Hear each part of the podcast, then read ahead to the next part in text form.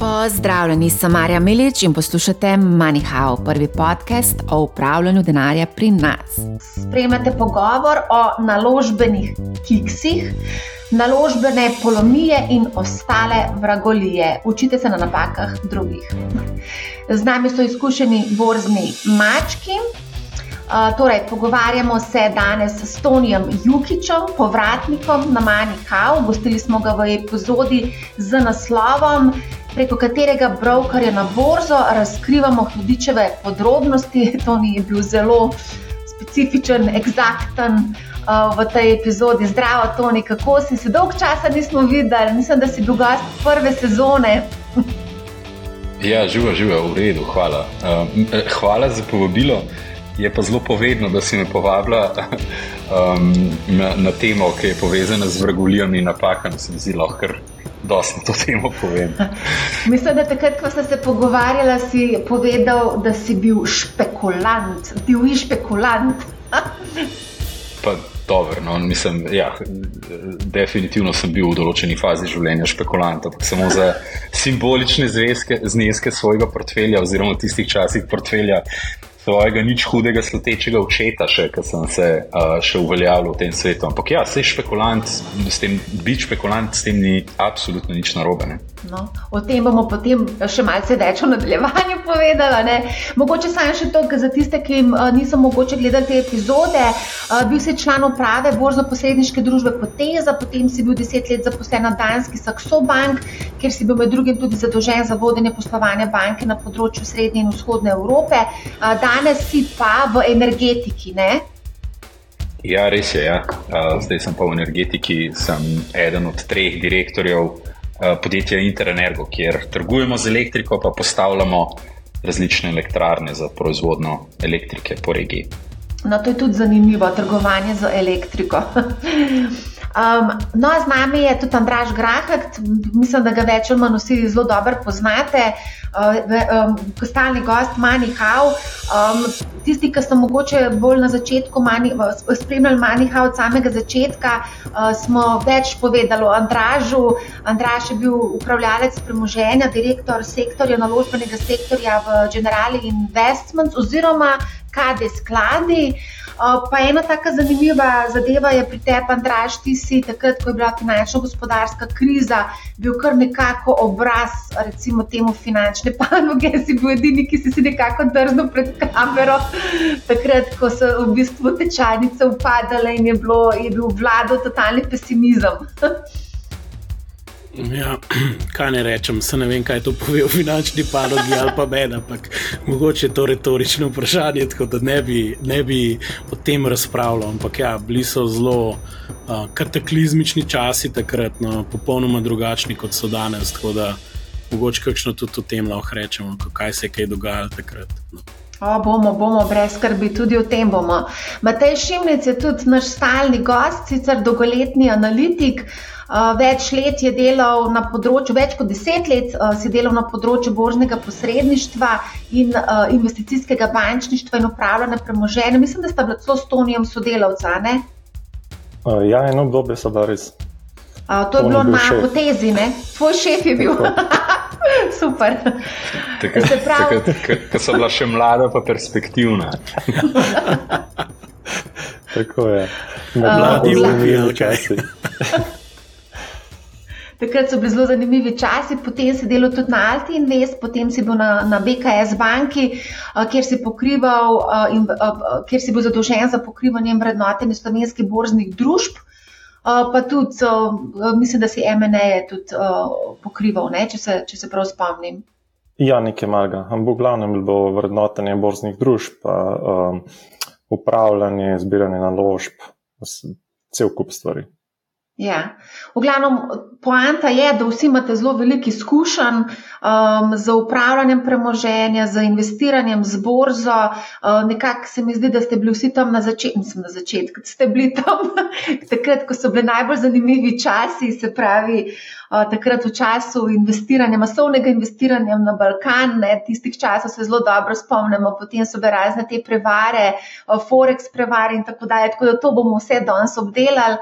Um, zdaj, ideja za ta podcast, v bistvu moram, če se iskreno povedati, me je pred, pred časom je v podcast in bed povabila Klara Leben, ker so se v bistvu pogovarjali o finančnih napakah. Tam je bila bolj debata v smislu, da preveč trošimo, pa premalo planiramo in tako dalje. Uh, tukaj konkretno, um, ker poslušalstvo se vseeno malce razlikuje, tam prevladuje predvsem ženske, ki nekako spoznavajo ta svet.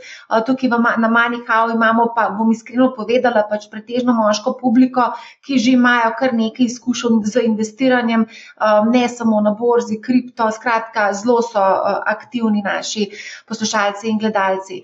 In seveda, uh, zanimalo me je, kakšne finančne napake oziroma naložbene napake so. So okusili naši poslušalci, dobili smo pa kar precej zanimivih odzivov, izkušenj, tako da bomo danes pogledali skupaj malce njihove eh, napake, pa malo bomo tudi analizirali, pa še kakšno bomo rekli o naših napakah. Se strinjamo. In vse tiho je bilo, tako da v redu je, hvala, adijo, zaključili smo, se se hecam. Jaz predlagam, da mogoče kar začnemo, pa bomo potem mogoče še malo bujali spomine, kako je bilo v naših časih, oziroma v tistih starih časih, ne, ko smo delali še zelo velik napak, zagotovo pa delamo še danes.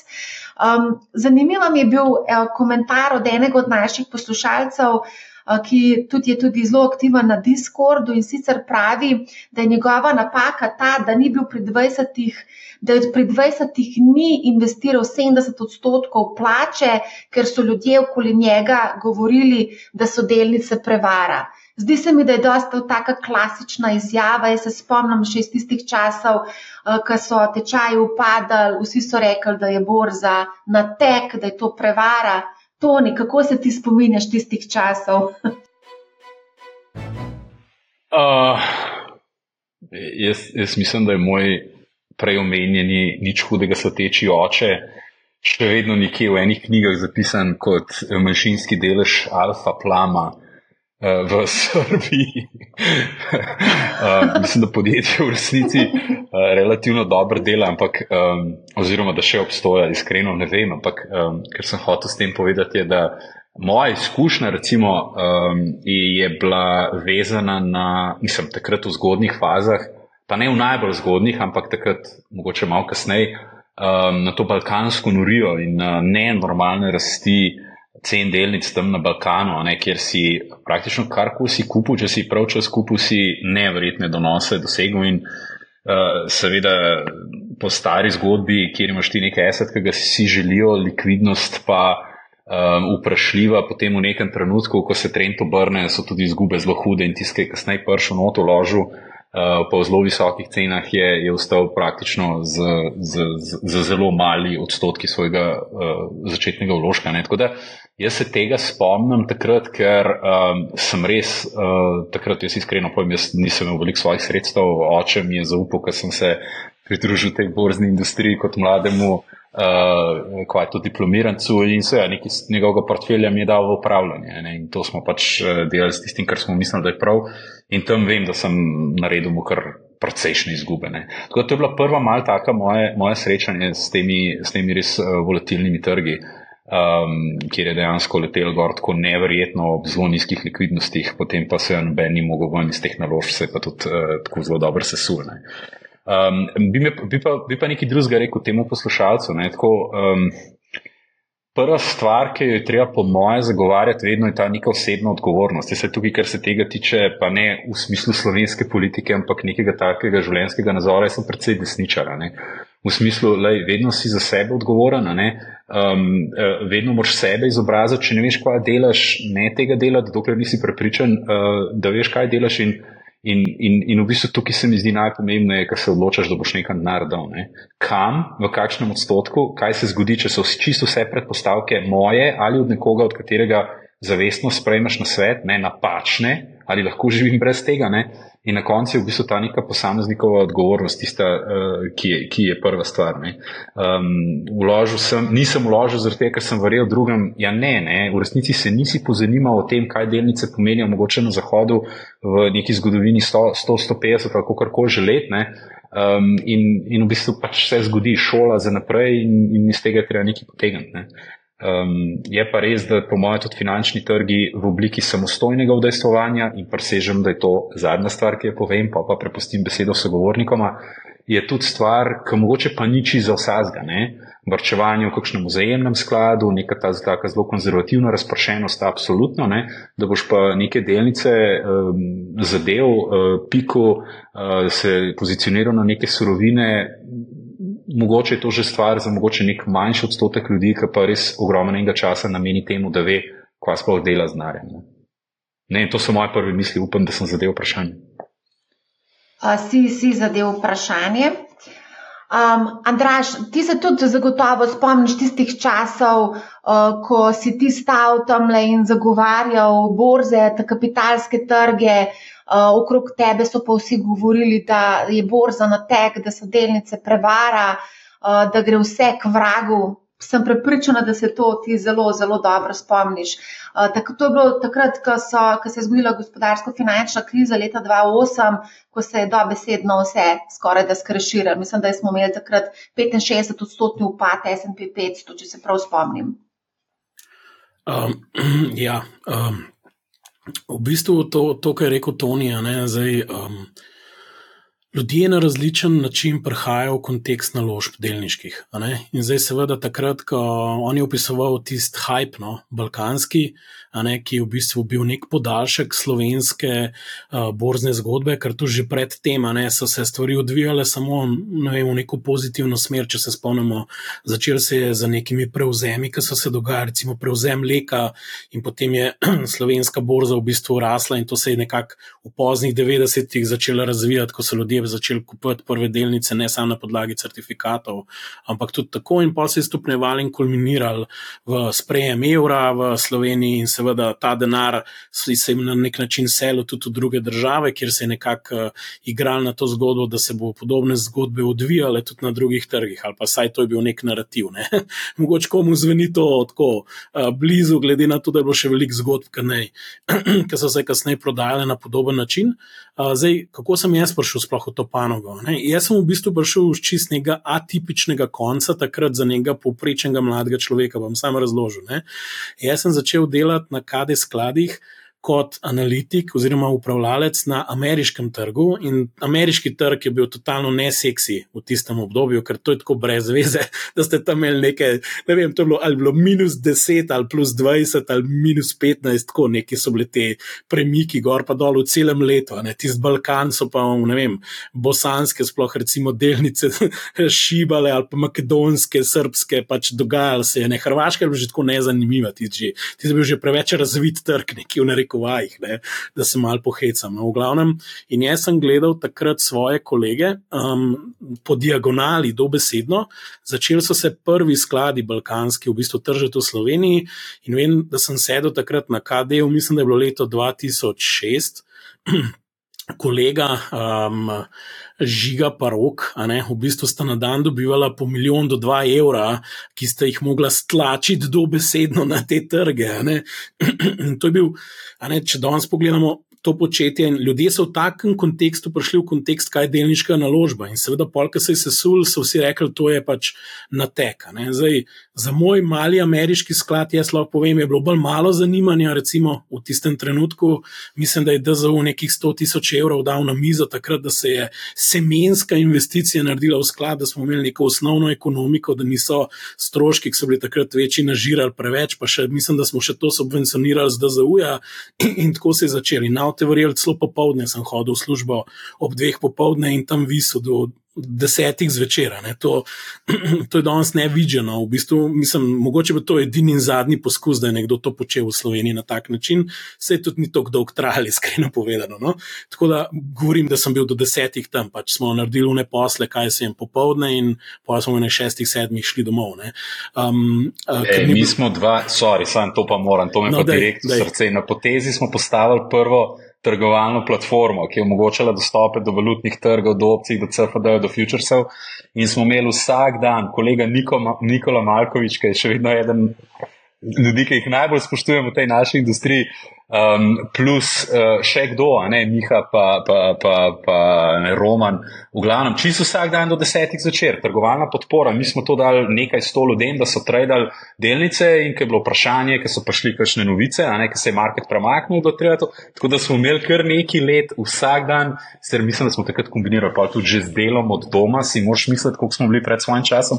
Tako da niste bili tam edini, ki ste do desetih delali. Ne, ne, ne, ne sej delač od tega, govorimo o našem DZU-ju, da ne opomota. Jaz ne vem, kdo je še visel, pa kdo je od doma, ne vem, prek kakšnega brokerja to tradal, pa gor dol, ampak pravim, da seveda tam je bilo drugače, vi ste rabili podporo za stranke in bilo skozi treba skrbeti, da kaj ne pade dol stirnic, po domač povedan. Ne?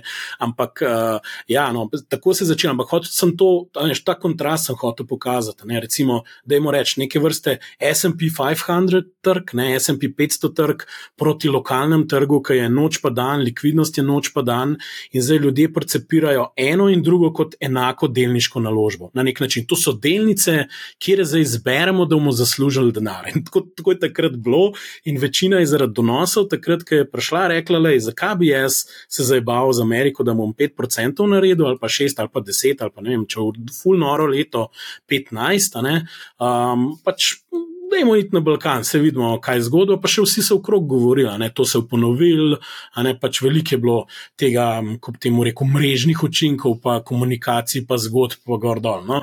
V glavnem, kar se je meni zgodilo, nikoli nisem uh, v tem obdobju se dotikal ne balkanskih delnic, niti nisem imel točk skladov, niti nisem na tem trgu delal, sem pa kasneje, ne, uh, mislim, da leta 2008 prevzel mesto direktorja in sem iskreno povedano, pucal stvari iz teh skladov ven, da smo jih spravili na točko, kjer je bil portfelj spet. Kako je to normalno postavljen, da smo lahko govorili, da imamo neke relativno zdrave firme noter. Ne? Tako da v bistvu te ekscese sem jaz na lastni koži okusil, ker morate razumeti, ne? ko ste imeli milijon, dva evrov noter in pač je bilo pomankanje delnic, določeni, določene pozicije, ki jih ta balkanski sklad imel, so bile tudi 10-15% nekih firm lastništva. Ne? In zdaj, what do you do with it? Da, ampak zdaj, zelo pomembna stvar, delnice kot delnice niso na tek, da jim to mogoče jasno povedati. Um, dejstvo, da čeprav izbirate in investirate v neka zdrava, čudovita podjetja, ali kako je že rekel uh, Charlie Munger, zdaj tudi pokojni, boste težko na dolgi rok v bistvu nek natek doživeli. Oziroma, bilo res nekaj nenavadnega, da se to zgodi. Mogoče nek sistemski resen problem biti, pa cel kapitalski trg bi mogel na nek način izumreti, no? da se, da, da se yeah. tako ja. izrazim. Seveda, dolgi rok pomeni ne pet let, ampak pač dajmo reči deset let ali več. Vrčujemo za pokojnino. Seveda, na manjših trgih, ne, Morate se pa zavedati, kaj je blue chip v narekovajih na manjšem trgu. Mm. Zdaj, en, en, na enem srpskem trgu je bil takrat blue chip, mogoče AIK banka. Ne, recimo, sam pač govorim, ne, to je zasebna banka od gospoda Kostiča, zdaj je večinski lastnik. Um, Tako da je čist drug kontekst, kot če rečemo blue chip na razvitem trgu, ko govorimo vem, o Apple ali Microsoftu danes, danes je Microsoft, mislim, da spet na vrhu po tržni kapitalizaciji. In to se je treba zavedati. In ljudje tega niso gledali takrat tako, pač gledali so, takrat je bil res greed is good, ta naš lokalen na nek način v igri, ne? tak specialen balkanski. No. Sej ta specialen balkanski grid je še zmeraj tukaj, nikamor ni šel, še zmeraj smo gridi, še zmeraj hočemo zelo na hitro zaslužiti. Matej, kako se pa ti spomniš tistih časov, pa uh, teh kiksov, ki smo jih delali, takrat kot analitik si verjetno dobival zelo veliko vprašanj, v katero uh, balkansko delnico se splača investirati. Takrat vem, da je bil to nek šov na neki televiziji, investiranje z brankom. Mislim, da je bil Branko, ki je bil svoj. Tebe paprika lepo prosim. Ja, ja, lepo prosim. Ja. Branko Železnik je imel svojo oddajo ja. in ga tudi lepo pozdravljamo. Um, ja, jaz sem bolj na koncu prišel. Jaz sem prišel, to se pravi, avgusta 2007, takrat se je že mal vse skupaj umirjalo, zahod se je v bistvu na vrhu. No. To, to je bil vrh. Uh, bi pa mogoče dodal, ne, da, uh, ta, da je borza na tek, sicer ne vem, katera generacija je, je ta um, pač, uh, gos, mislim, vprašanje, ne, zastavljeno, s katero generacijo, ampak vse skupaj v Sloveniji malo tudi izhaja iz nerazvitosti samih finančnih trgov. Ne. Se vemo, kako so se certifikati uh, delili in tudi uh, dejansko strokovna javnost so bili določena mnenja, da so certifikati nič vreden papir. Tako da je že od tam se nekako začela ta že mal fama, da tisti, ki so, niso imeli znanja oziroma se takrat tudi na, ni bilo toliko dostopa do, do vseh informacij, ne, uh, Eh, se je začel oblikovati mnenje, da borza pač je, je natekane, prodajmo ta certifikat.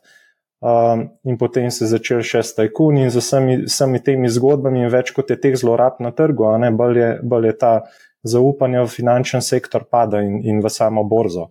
Vse podobno se, se dogaja tudi na zahodu, v manjši meri, ampak vseeno smo videli, ne vem, recimo, da je bilo 10-15 let nazaj, so bile razne, razna kitajska podjetja, ki so bile samo lupine na ameriški borzi in so jih ljudje kupovali in izgubili predvsej denarja. Uh, tudi Slovenci, tudi Slovenci so prek brokerjev kupovali ta podjetja in, in med njimi so bili tudi znani vlagatelji, uh, prekaljeni mački iz ameriških trgov, ki so, uh, ki so vlagali v ta podjetja in izgubili, ker so bili pač enostavno nategnjeni. In več kot je tega, ne, In uh, na drugi strani tudi ta trend, da je money, da gre stvar samo gor, uh, da se ni treba izobraževati. To je, to je v bistvu potuha uh, lenobi, v takih obdobjih se noben ne izobražuje, noben kazalcev ne gre, da noben ne gleda poslovanja. Uh, Vzameš denar, ga nakažeš na borzo in boš zaslužil. In iz tega potem izhaja vsta nezaupanje, oziroma ne more niti biti drugače. Ne? Pa, ko zadeve enkrat začnejo padati, nimaš odgovora in ne veš, kaj narediti, ker v bistvu nisi vedel že niti na začetku, kaj, zakaj si prišel na ta trg. Mogoče medklic za vse tiste, ki jih ta kitajska zgodba zanima, YouTube uh, ali pa kakšna streaming platforma, The China Hustle, se mi zdi, je dokumentarc, ki opisuje vse te, um, reko, dvojnost, um, reko, teh kitajskih in kako so strukturirali, kako so šli na trg, ko so imeli dvojne bilance, ene za kitajske oblasti, ene za ameriški trg, kaj so revizori delali, mislim, vse živo se tam dogaja. Vse, bom iskreno povedal, če bi resno revidiral kakšne bilance takrat dol na Balkanu, verjetno ni bilo dosti delati stran od realnosti, da so imeli malo dvojne številke, malo za da borzo. Mogoče fun fact, v Srbiji trgovanje z notranjih informacijah, mislim, da še danes ni sankcionirano, niti ni bilo takrat zakonodaje, tako da je bilo anything goes. To so tudi direktori tam vsi vedeli in to je bil ureden topik, ki skepr šel in rekel, notranje informacije, kako pa to zdaj vi govorite, ko vam gre za tale mesec, se ni nobenega zakona zakona.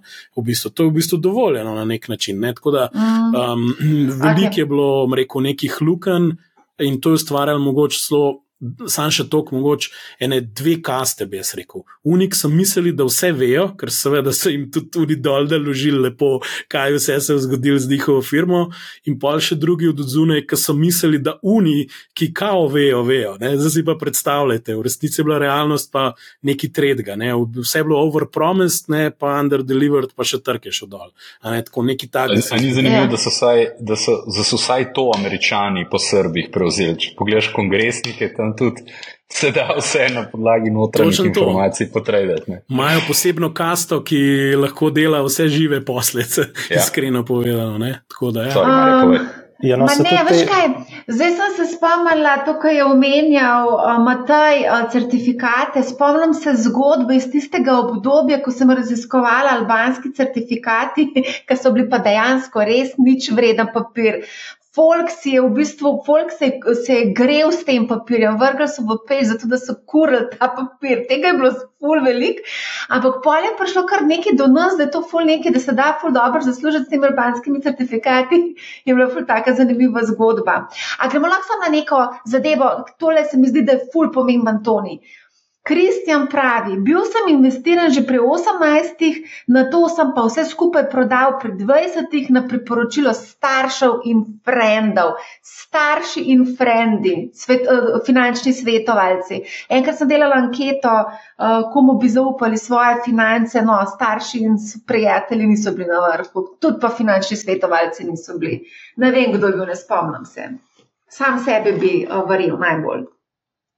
Ej, dve stvari mi tukaj padeta na pamet. Ne? Prvič, um, jaz sem imel to srečo, um, ali sploh ne, v resnici ne spomnim se, kako je ta proces potekal, ampak imel sem iz um, tele privatizacije delnice Krke. Ne? In jaz sem v nekem momentu svojega življenja hotel nek nov šport si umisliti. In jaz sem šel vso krko prodati, zaradi tega, da sem si rabljen surf kupil. Okay? In jaz se točno živo spomnim, še ko jaz ne vem, zdaj ja, sem v koncu srednje šole, sem bil na začetku faksa, ampak nič v resnici v borzi nisem vedel. Sem vedel, sem, da če hočem unsurf, verjetno sem zaradi kere bebe ali pa zaradi prijatelja hotel tisto sezono surfati, ne? in tam neke papirje, neki prodal, pa sem surf kupil. Ne? In jaz sem dejansko to naredil in sem se pol čez leta spomnil, po katerih cenah, pa iskreno se zdaj ne spomnim, po katerih cenah sem jaz to krko prodal, zaradi tega, da sem si kupil unsurf. In zdaj tukaj lahko gledam z pozitivnega ali pa negativnega. Koliko oportunitetne izgube imam, če bi recimo, se ne lotil tega, ne, pa zadržal te delnice do danes, verjetno bi bil kar ogromen znesek. In druga stvar je, deset let sem surfal, pa pa sem deset let kajtu. In vsako fucking sezono sem se veselil tega, in še vedno se veselim, ker grem kajtati. Tako da neki sem vseeno od tega imel, mogoče še več kot unar, ker pač denar je denar. Tako to je prva malo šaljiva zgodba. Nisi edini, te, na tebe so vplivali, uh, mogoče starši, Kristjan, uh, na mene pa družba, da gremo surfati, prodaj, prodaj delnice. Ne. Nekaj drugega bi rekel, to je pa ta druga stvar. Um, večkrat se zgodi, da bomo full bolj obžalovali neke izhode iz nekih tradeov, pozicij, investicij ali pa nekega strateškega, uh, strateške naložbe, v določeno mogoče tehnologijo, v, v, v določeno geografsko cono ali pa v neko naložbo, katero verjamemo, in da enostavno zadanemo 20, 30, 40, 50 odstotkov in se v bistvu ful prehiter iz, iz, iz pozicije ven spravimo. In so te stvari še bolj boleče kot mogoče neke. Nekaj izgube, ki, izgube, ki jih znamo kontrolirati, rečemo, da je minus 20 posto, pa prodal, nimam prav. Ne? Ti zbolija, ker si imel recimo prav in si takoj v prvi polovici trenda zapustil barko in potem gledaš izven pozicije, in to tako prekleto boli, ker si imel prav, ker si služil, sej si nek profit pobral, ampak glavnino pa pusto. Zaradi tega smo mi takrat v, v časih, ko smo ponujali to trgovalno platformo aktivnim trgovalcem, full, veliko smo jih probali na neko logiko trailing stopov navaditi. Trailing stop je v bistvu način, izhoda iz marketa, kjer, ko ujameš trend, se tudi tvoja stopna cena avtomatsko s trendom dviguje. In v bistvu včasih prepustiš čist algoritmu, torej, da ti kontinuirano ob raztočem vrt, uh, trgu premika izstopno točko, ne? prevališ neko to odgovornost ali pa to. Um, bom rekel, mentalno, uh, mentalno odgovornost, oziroma ta pritisk, kdaj izstopite. Ne? In, se, in ti, ko ujameš trend, mogoče sam nikoli ne bi šel v neki točki ven, ko pa, se, ko pa, ko pa narediš s trailing stopom uh, situacijo, kjer ti je čisto vseeno, do kam boš šel trend, ker ga boš v veliki večini ujel. Ne? Tako da včasih prehiter izstopati je, je lahko še bolj boleče, kot kar mogoče um, z, z izgubo prodati. Uh, ta stvar se mi zdela tudi tako zanimiva, ker, ker sem tudi jaz samo v življenju imel ene takih pozicij, ene par takih pozicij, um, da pa, da pa Kristjanovi pa sem to rekel, fule še mlad, ne razen če ni zdaj ostareli 45-letnik, kot jaz, ne pa se spominja stvari, ko bi star 18 pa 20, pa mu ne morem pomagati, ne. Če pa še vedno tiste starosti okoli 20, pa denar, zadela denar je še ful leta. Ne. Poglej nas, kaj le vsi plešasti pasivi, a veš, ful ima še priložnosti. Bi pa, bi pa, bi pa definitivno se strinjal, da, um, da princip um, izstopanja iz naložb prepustiš komu drugemu ali čemu drugemu, ne pa prijateljem, pa staršem. Absolutno. Kaj pa recimo to, kar je rekel eden uh, DDXX? Uh, on je pa rekel, da mu je žal, da že pri 70, uh, da pri 20 ni 70% plače investiral. To je ta nek fire community, ki v bistvu investirajo praktično celo plačo uh, poskušajo, ko so, ko so še mladi, čim večje premoženje ustvariti in se potem hitro pokojiti. Kaj, kaj, pa, kaj si mislimo o tem, o tem, da ti investiraš praktično 70% plače?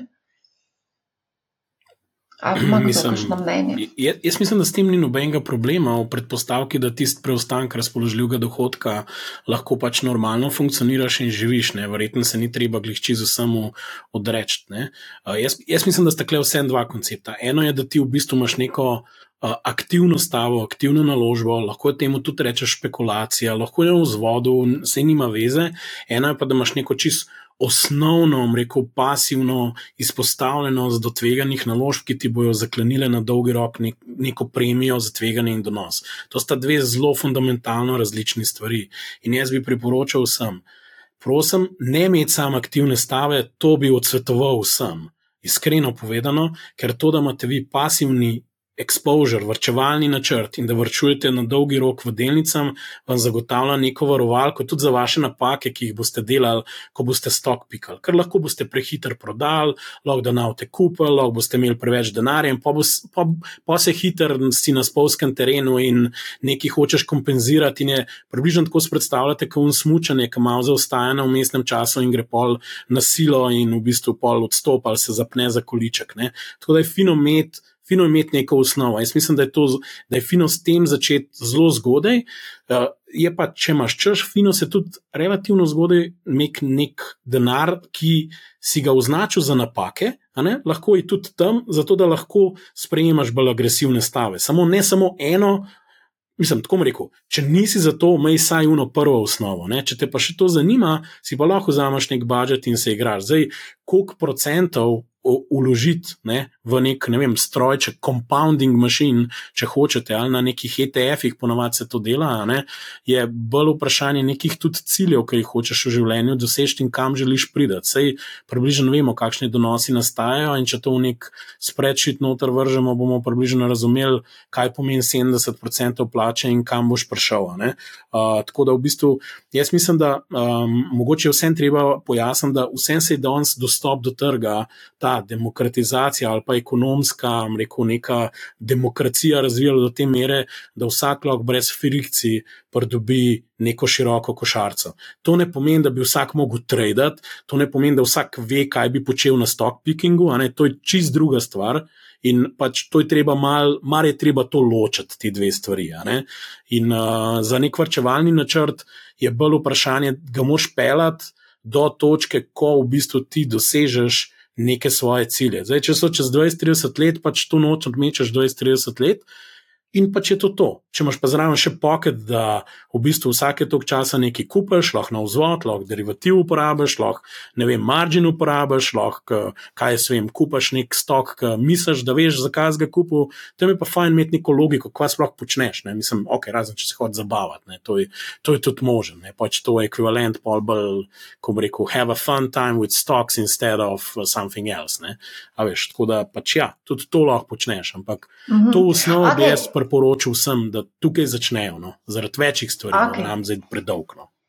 no, da nam boš predolg, a ne, a, gremo mogoče. A, a, Gaj a, je naštel celo res šest svojih napak, je tukaj izpostavil. Um, zelo, zelo tako se mi zdi, da, da, da so to pač take napake, ki jih je marsikdo uh, že naredil. Uh, mogoče Matej, tukaj Gaj pravi, da se je zanašal na nekega robotka, ki bojda zelo varno trguje. Ja. Sem s temi roboti. Jaz bi se mogoče na prejšnjo vprašanje navezal. Ne? Jaz sem podobno izkušnja kot uh, Toni, sam da jaz nisem kupil surfa, ampak uh, sem odprl račun na, na kaj je bil E-Trade takrat v Nemčiji. In so se mi zdeli zabavni certifikati na, na uh, Evropske banke. No. Ampak še ni bilo obdavčeni, ne še obdavčeni niso bili. to je čist drugače, stari. še obdavčeni niso bili, tako da to, to, to ne mo, ni mogli. Čisto, no, res, res, si, res si analitik, no, nord. Res sem šel, znorel sem. In sem šel certif derivative trajati. Ja, no, nisi končal najboljši, ampak um, kar hočem povedati, je, ne, da v bistvu je najboljše te napake na začetku delati. Tako, kar, kar je Andraš rekel, nujno ločati na dva dela račun, to se pravi, da imaš na enem nekaj zaigrati, na drugem pač res za, za resne stvari, ki se jih ne smeš dotikati, ne, ampak um, je pa boljš na začetku delati napake, ker si mlad, kot pa kasneje, zaradi tega, ker so finančni loški kasneje bistveno višji in je, uh, pač če, če se šele takrat učiš na praksi, je, mislim, so zdaj bistveno bolj boleče. Ne. Kar se tiče teh robotkov, je pa tako, da um, sploh, ko gre za kakšen black box in ga, ga ne razumeš, ne so stvari zelo nevarne, uh, ker ti nekdo drug daje priporočila. Uh, če sam delaš to, ne, Je pa en problem, je, da, um, kar sem tudi jaz na začetku delal, raven takrat s temi derivativi, sem se opiral na tehnične kazalce. In ko ti enkrat tehničen kazalec, ko ga ti gledaš na, na, na, na oko, mislim, na, po občutku, vizualno, ne se ti zdi, da, da zadeva deluje. Če pa stvar res matematično narediš, tako kot mora biti, kakšen zamik imaš ti pri odločitvi, in tako naprej, je pa večina tehničnih kazalcev večino časa pač problematičnih, oziroma zelo težko delaš konstantno dobre trade.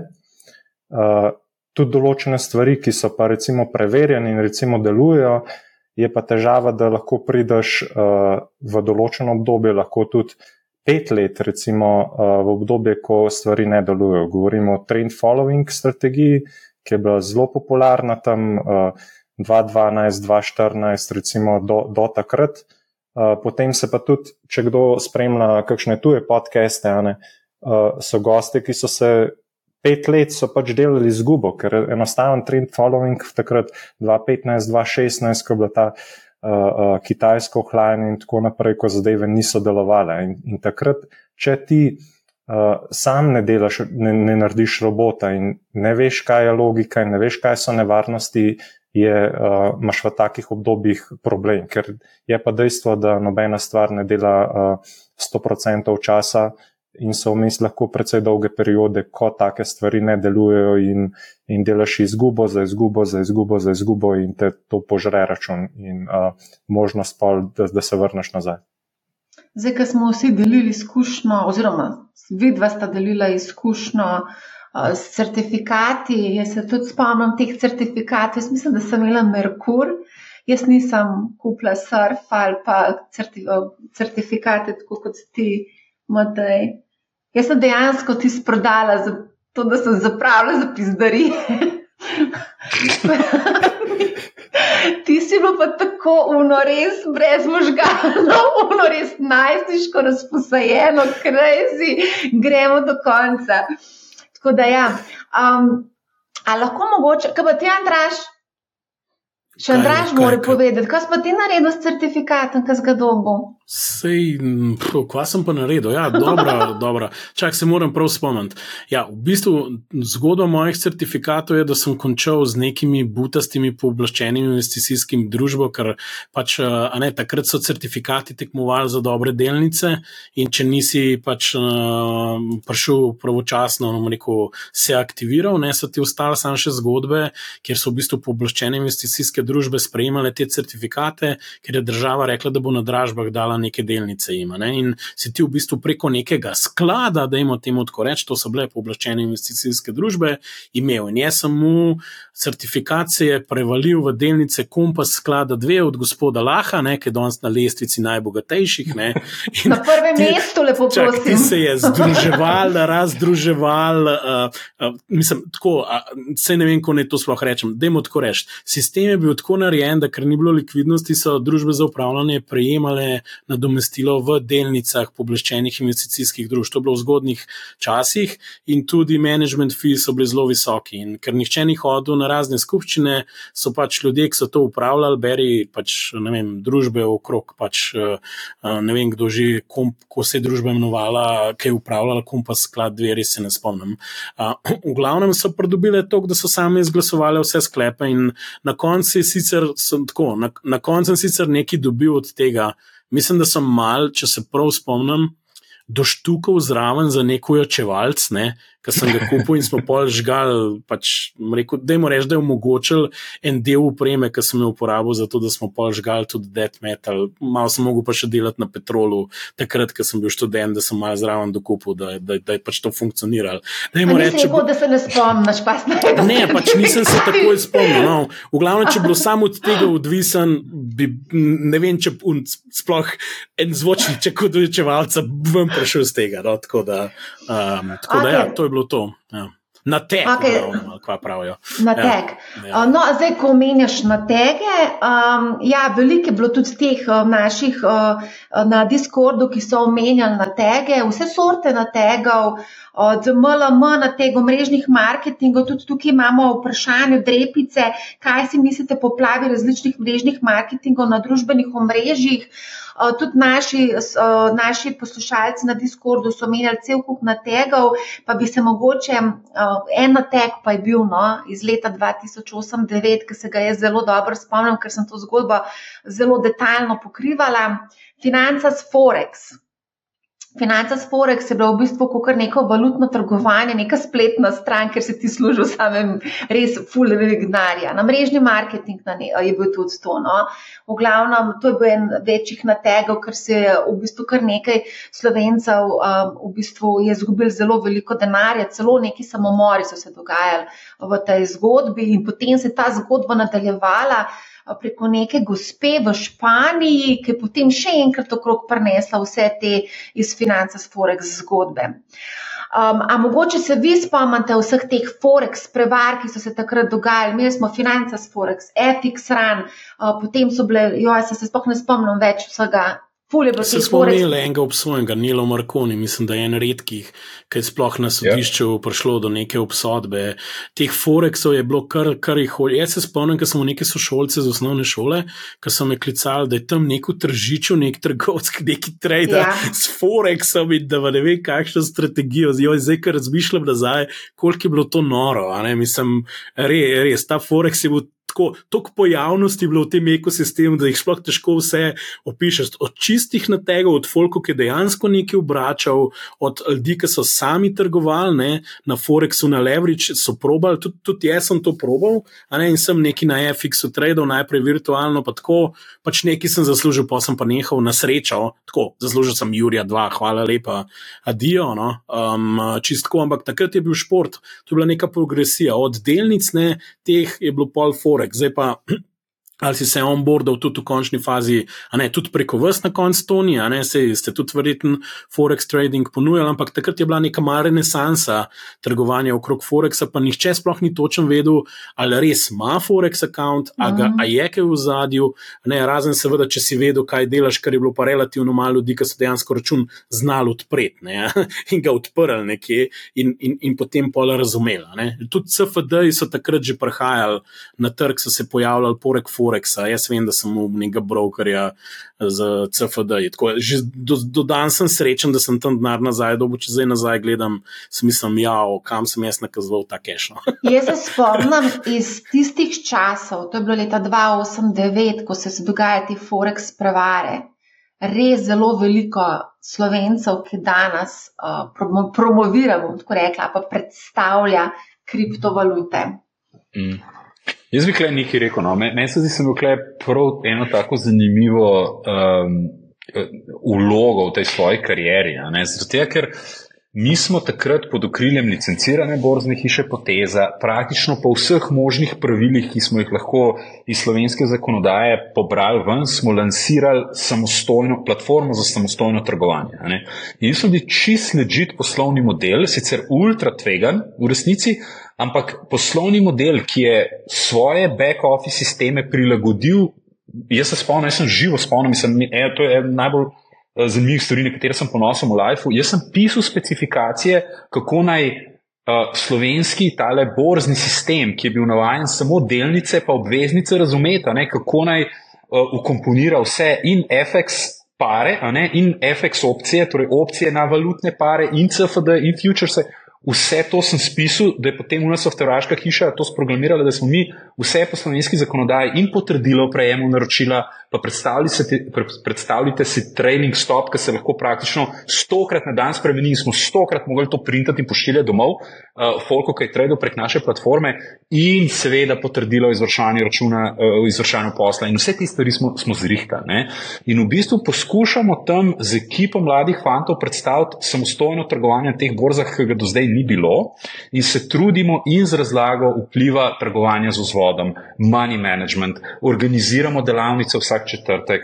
Uh, o tem, kako trgovati, in v bistvu poskušamo neko, neko čist likvidno, samo, uh, sorry, legitimno, samostojno trgovanje na teh trgih uvesti.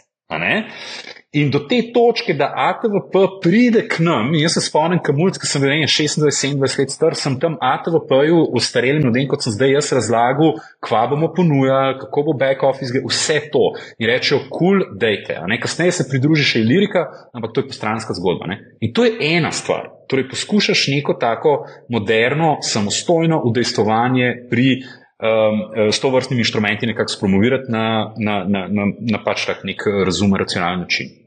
Istočasno, čez leto, dve, tri, se pojavljajo neke usporedne strukture, ki jih je prej Andraš opisal. Neki ljudje, ki so dejansko prav iskali naivneže, ki so mordo, mm. mogoče ki slišali, da se da na Forexu ali pa z derivativi zaslužiti, ne?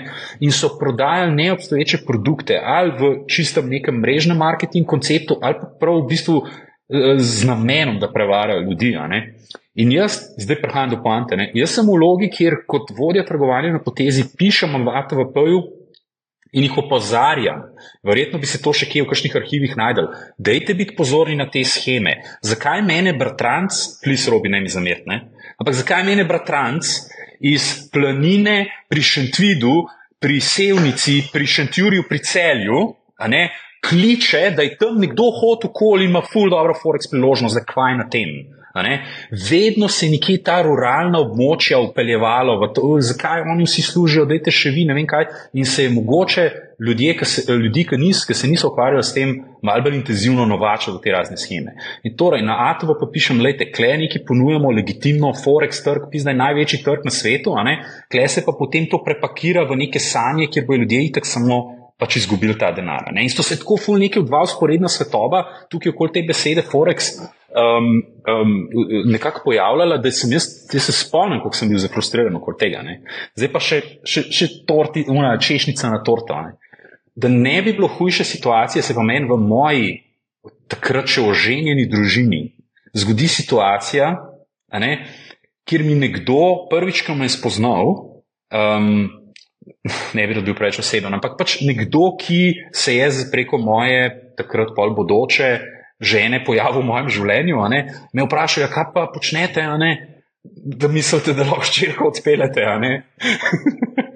In v glavnem sem imel v družinah primere, ne, pri druženih družinah, kjer so točno v teh schemah ljudje izgubili zneske, ki niso zneski za navaden avto, ampak znatno višji. In sem rekel, dajte vas prosim, lejte, jaz sem človek, ki pozna nekaj na to temo, piše mata v PJ-u, vem, kakšne so to stvari, dajte prosim ne. Ne. Ampak je bil odgovor, da so se zvezde poravnale. Pa ni bil to odgovor, še dosti bolj bizaren je bil, da so se zvezde poravnale za to naložbo. Tako res absurd, da res nisem mogel verjeti. In samo mesec kasneje je teh predvsej veliko sredstev izpohtelo. Hočem reči, da čisto vsi smo ljudje, čisto vsi smo nekako rendljivi in če nam bo nekdo dosti prepričljivo obljubil neke lahkotne zaslužke, ne, bomo skočili na to. Ne. In to je tisto, zdaj bom pa prvo temo, pa to zadnjo povezal, ne, kar mene najbolj moti v celotni zgodbi. Kdorkoli nekako ve, da sem se vsaj v preteklosti bolj aktivno s tem svetom ukvarjal, vedno, ko pride do mene, hej, kje se da kaj zaslužiti. Da vprašaj me, kje se boš izobraževal, Da vprašaj me, kje boš poštudiral, kva so neke logike vlaganja pa, pa menedžiranja svojega portfelja. Ne samo, da se ti veš, kje se da zaslužiti. Ne. Da je kup šit konč številka šest, vrš kocko ali pa pet v kazino, pa bomo videli, kako bo. Ne. Veš, da fur se mi zdi, da smo slovenci nagnjeni k tem neki izi rešitvam, ko pride do finančnega sveta. Ne. Neki, nekdo drug mi bo rešil problema. Ej, kje, kva je zdaj za kupiti? Kva je zdaj za prebrati? Tako da um, vsi mi uh, smo nekako zelo, zelo, zelo občutljivi na te neke rešitve, ki so mogoče uh, prehitre. Tudi jaz sem pokleknil na njih, tudi jaz sem našim upravljalcem premoženja, ki sem sam prej do Forex, zmešan. Zmešan, ki sem mislil, da bom outsmart v market, pa so rekli, stari, tako ne boš, pa sem rekel, da kva ti veš. In valjda sem mogel trikrat spucati portfelj do te točke, da me je res streznil, da sem pa rekel, if you can't beat them, join them. In sem šel na firmo, ki je providila te storitve, da sem se sploh naučil celostnega aspekta industrije in zaslužil čist druge, tisto, kar sem tam zgubil, uh, pa, še, pa še nekaj česne. Ampak pizda šola vsaka full stane. Ja, to imaš prav. Ja. Zelo veliko je teh vprašanj danes, da mi povej, uh, povej mi, kje bom denar zaslužil, kako bom hiter denar zaslužil. Um, je pa res, ona, da potem, ko se opečemo, ima pa tukaj tudi kajem eno poanto, a ne verjetno, ko se je upekel po financah Forexu, ker tam se je zelo veliko slovencev upekel, je pa sledila druga zadeva, neaktivnost pri investiranju na naslednje desetletje po dogodivščini iz prve točke, evo točno iz financah Forexa. Se pravi, tam smo se upekli, to je vse na tek, na tek in ne gremo več na, na borzo. To je kar pogosta praksa in to se danes otroci v bistvu učijo od svojih staršev, ker starši so se upekli zgodbo. No, KBM, z Balkanom in ne vem, s katero zgodbo še, ne, in svoje otroke učijo, da je borza na tek. To doskrat slišim od mladih. Čeprav mladi se zdaj že malo samo osvajajo, pa mogoče tudi malo svojo glavo razmišljajo. Matej, bi ti mogoče povedal, kako ti gledaš na to neaktivnost potem pri investiranju, ko se opečemo? Jaz, to je to, tudi ta zgodba te oportunitetne zgube, to se pravi, da, da, mi, da se čaka z denarjem na ta pravi trenutek. Pač ta pravega trenutka, di tako vemo, da ni, oziroma ga nikoli ne bomo zadeli. In če, če mislim, zmer lahko najdeš razlog, ne, zakaj ne biti na trgu. Ne. Tako da je bož, da si vedno in saj z enim deležem stalno na trgu in, uh, in se pač ne obremenjuješ z raznimi teorijami zarote in, in tako naprej. Um, tako da pač ta, ta mo, mora priti do tega dojemanja, da enostaven en, en del vedno namenjamo splošnemu trgu in pač verjamemo, da bo ekonomija uh, šla to pot. Vmes jasno bodo paci, ampak um, takrat pač se pojavijo zmer priložnosti, da potem investiramo še tist, kar kar, kar pač čaka ob strani. Uh, kar se teh schem tiče, je pa tako, da, da dejansko lahko vedno gledamo to skozi, tudi skozi nek risk management. Ne? To so stvari, kjer je izjemno velika verjetnost, da mi izgubimo, in v skladu s tem pač lahko namenjamo temu primerno tudi uh, uložke. Ne? Problem je, da uh, ljudje namenjajo za razne šitkoine in podobne stvari uh, visoke zneske, čeprav so izgube lahko uh, izjemno visoke. Tudi, če gledamo skozi oči uh, risk managementa, ne, lahko, mislim, se nobene prav, da spi, skozi piramido ne moramo zaslužiti, se na koncu ne vemo, na kateri fazi mi vstopamo, ne, kdaj se bo znesek nazaj vračal, ampak uh, pač take stvari, to je pač roleta, to je uh, igranje na srečo in se zato pač nek drobiš investira in to je to. Ja, um, Andraš, um, a boš ti še mogoče kaj tlele dodal, z mogoče malo bolj um, tega psihološkega vidika, kako v bistvu premagati uh, strah pred izgubami, potem ko smo mogoče se opekali na borzi? Mi smo se v bistvu takrat, ko sem jaz tudi prevzel upravljanje premoženja na KD skladih, izjemno veliko ukvarjali z obstoječimi vlagatelji v vzajemnih skladih. Mnogi so imeli zraven tudi balkanske delnice, tako ali po balkanskem skladu, um, mnogi so imeli tudi razne druge produkte, ki niso bili najboljši za njih. Ne? In smo v bistvu nekako se ukvarjali, ker je začel dol leteti s to psihologijo, ne, ne izstopiti zdaj ven in prekiniti zgodbe, sploh če smo neko zdravo osnovo. Ne? Torej, O čem zdaj govorimo? Sploh ne o tem, da sem bil nategnen. Že tisti, ki so imeli, ne vem, zaradi mene ameriški vzajemni sklad, so želeli takrat iti ven. Ne? In takrat smo razlagali učinke, če greš ti ven, ali pa si v preteklosti v podobnih dogodkih šel ven in se šele kasneje vrnil nazaj. Versus, torej v primerjavi z nekom, ki je ustrajal pa samo pustil, ali pa v primerjavi z nekom, ki je nadaljeval z vrčevanjem, kaj je vam prišlo. In smo, začeli smo pa tako, iskreno povedano, da smo šli v krog, hudi intelektualci ali pa optimisti. In na začetku smo se soočali v dvorano, ki je bilo 20 ljudi, od katerih je 19 sedrl, da je to na tek in kaj vi tukaj le pridigate. Ne? In pa smo počasi začeli, in pa se je malo začeli izboljševati. Ampak na eni točki, ki se to zgodi, zdaj, spet je odvisno od konteksta. Zdaj, če mene en nategnil, sem bil pohlepen, bom ponavadi tih in niti nam prav preveč okrog šel in ne vem, koga vse obtoževal. Tako, če sam vem, da sem šel predaleč, malo je tudi klene.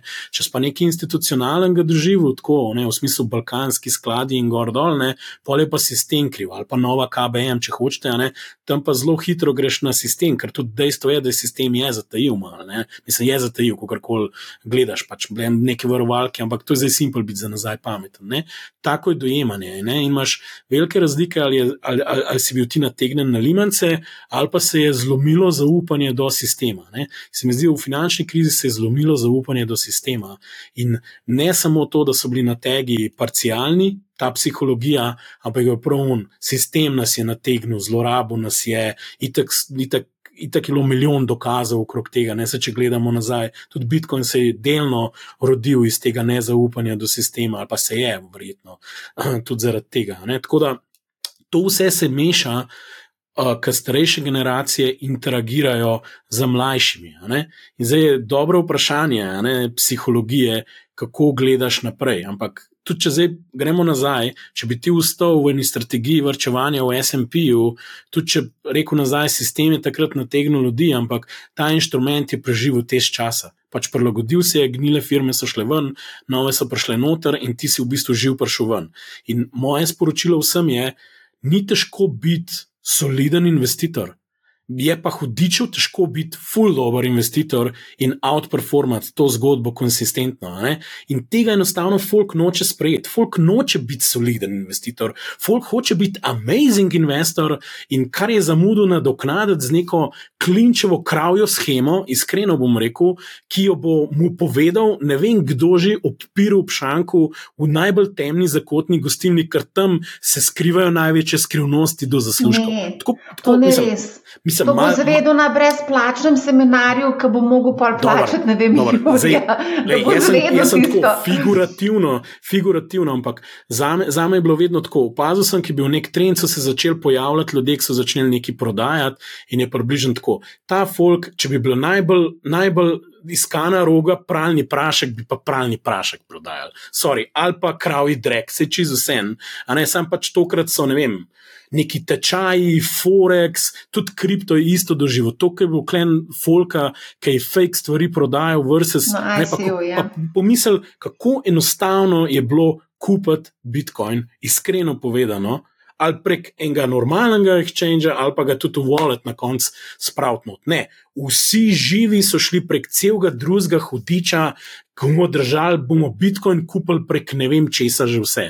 Ne, tako, to mi fascinantno, koliko tako, ne, ne da greš naravnost, v krog pa imamo, pa še petkrat se na ja. glavo postavimo. Ne. Tako da um, a, tega je ogromno. No. A lahko tle kar uskočim, ker zdaj se pa že tokrat Bitcoin omenil in tukaj imam Mark. Velikrat, no. Okay. To, da lahko napeljem naprej. Super. Mark si pravi, To je, pa, to je pa zelo pogosto, kako se spominjamo za nazaj, kaj bi bilo, če bi bilo, oh, zakaj nisem takrat spremljal to zadevo. Namesto da bi med 2012 in 2017 kupoval bitcoine, ko sem že vedel za nje, sem štipendijo potrošil za milko, 300-gramsko milko. Ne, kaj bi bilo, če bi bilo? Jaz se spomnim takrat, ko smo raziskovali to zgodbo Bitcoin, kako je bila to volatilna valuta, nihala je gor, dol, to je bilo kot na kokainu, danes do plafona, potem je padal dol. Ne.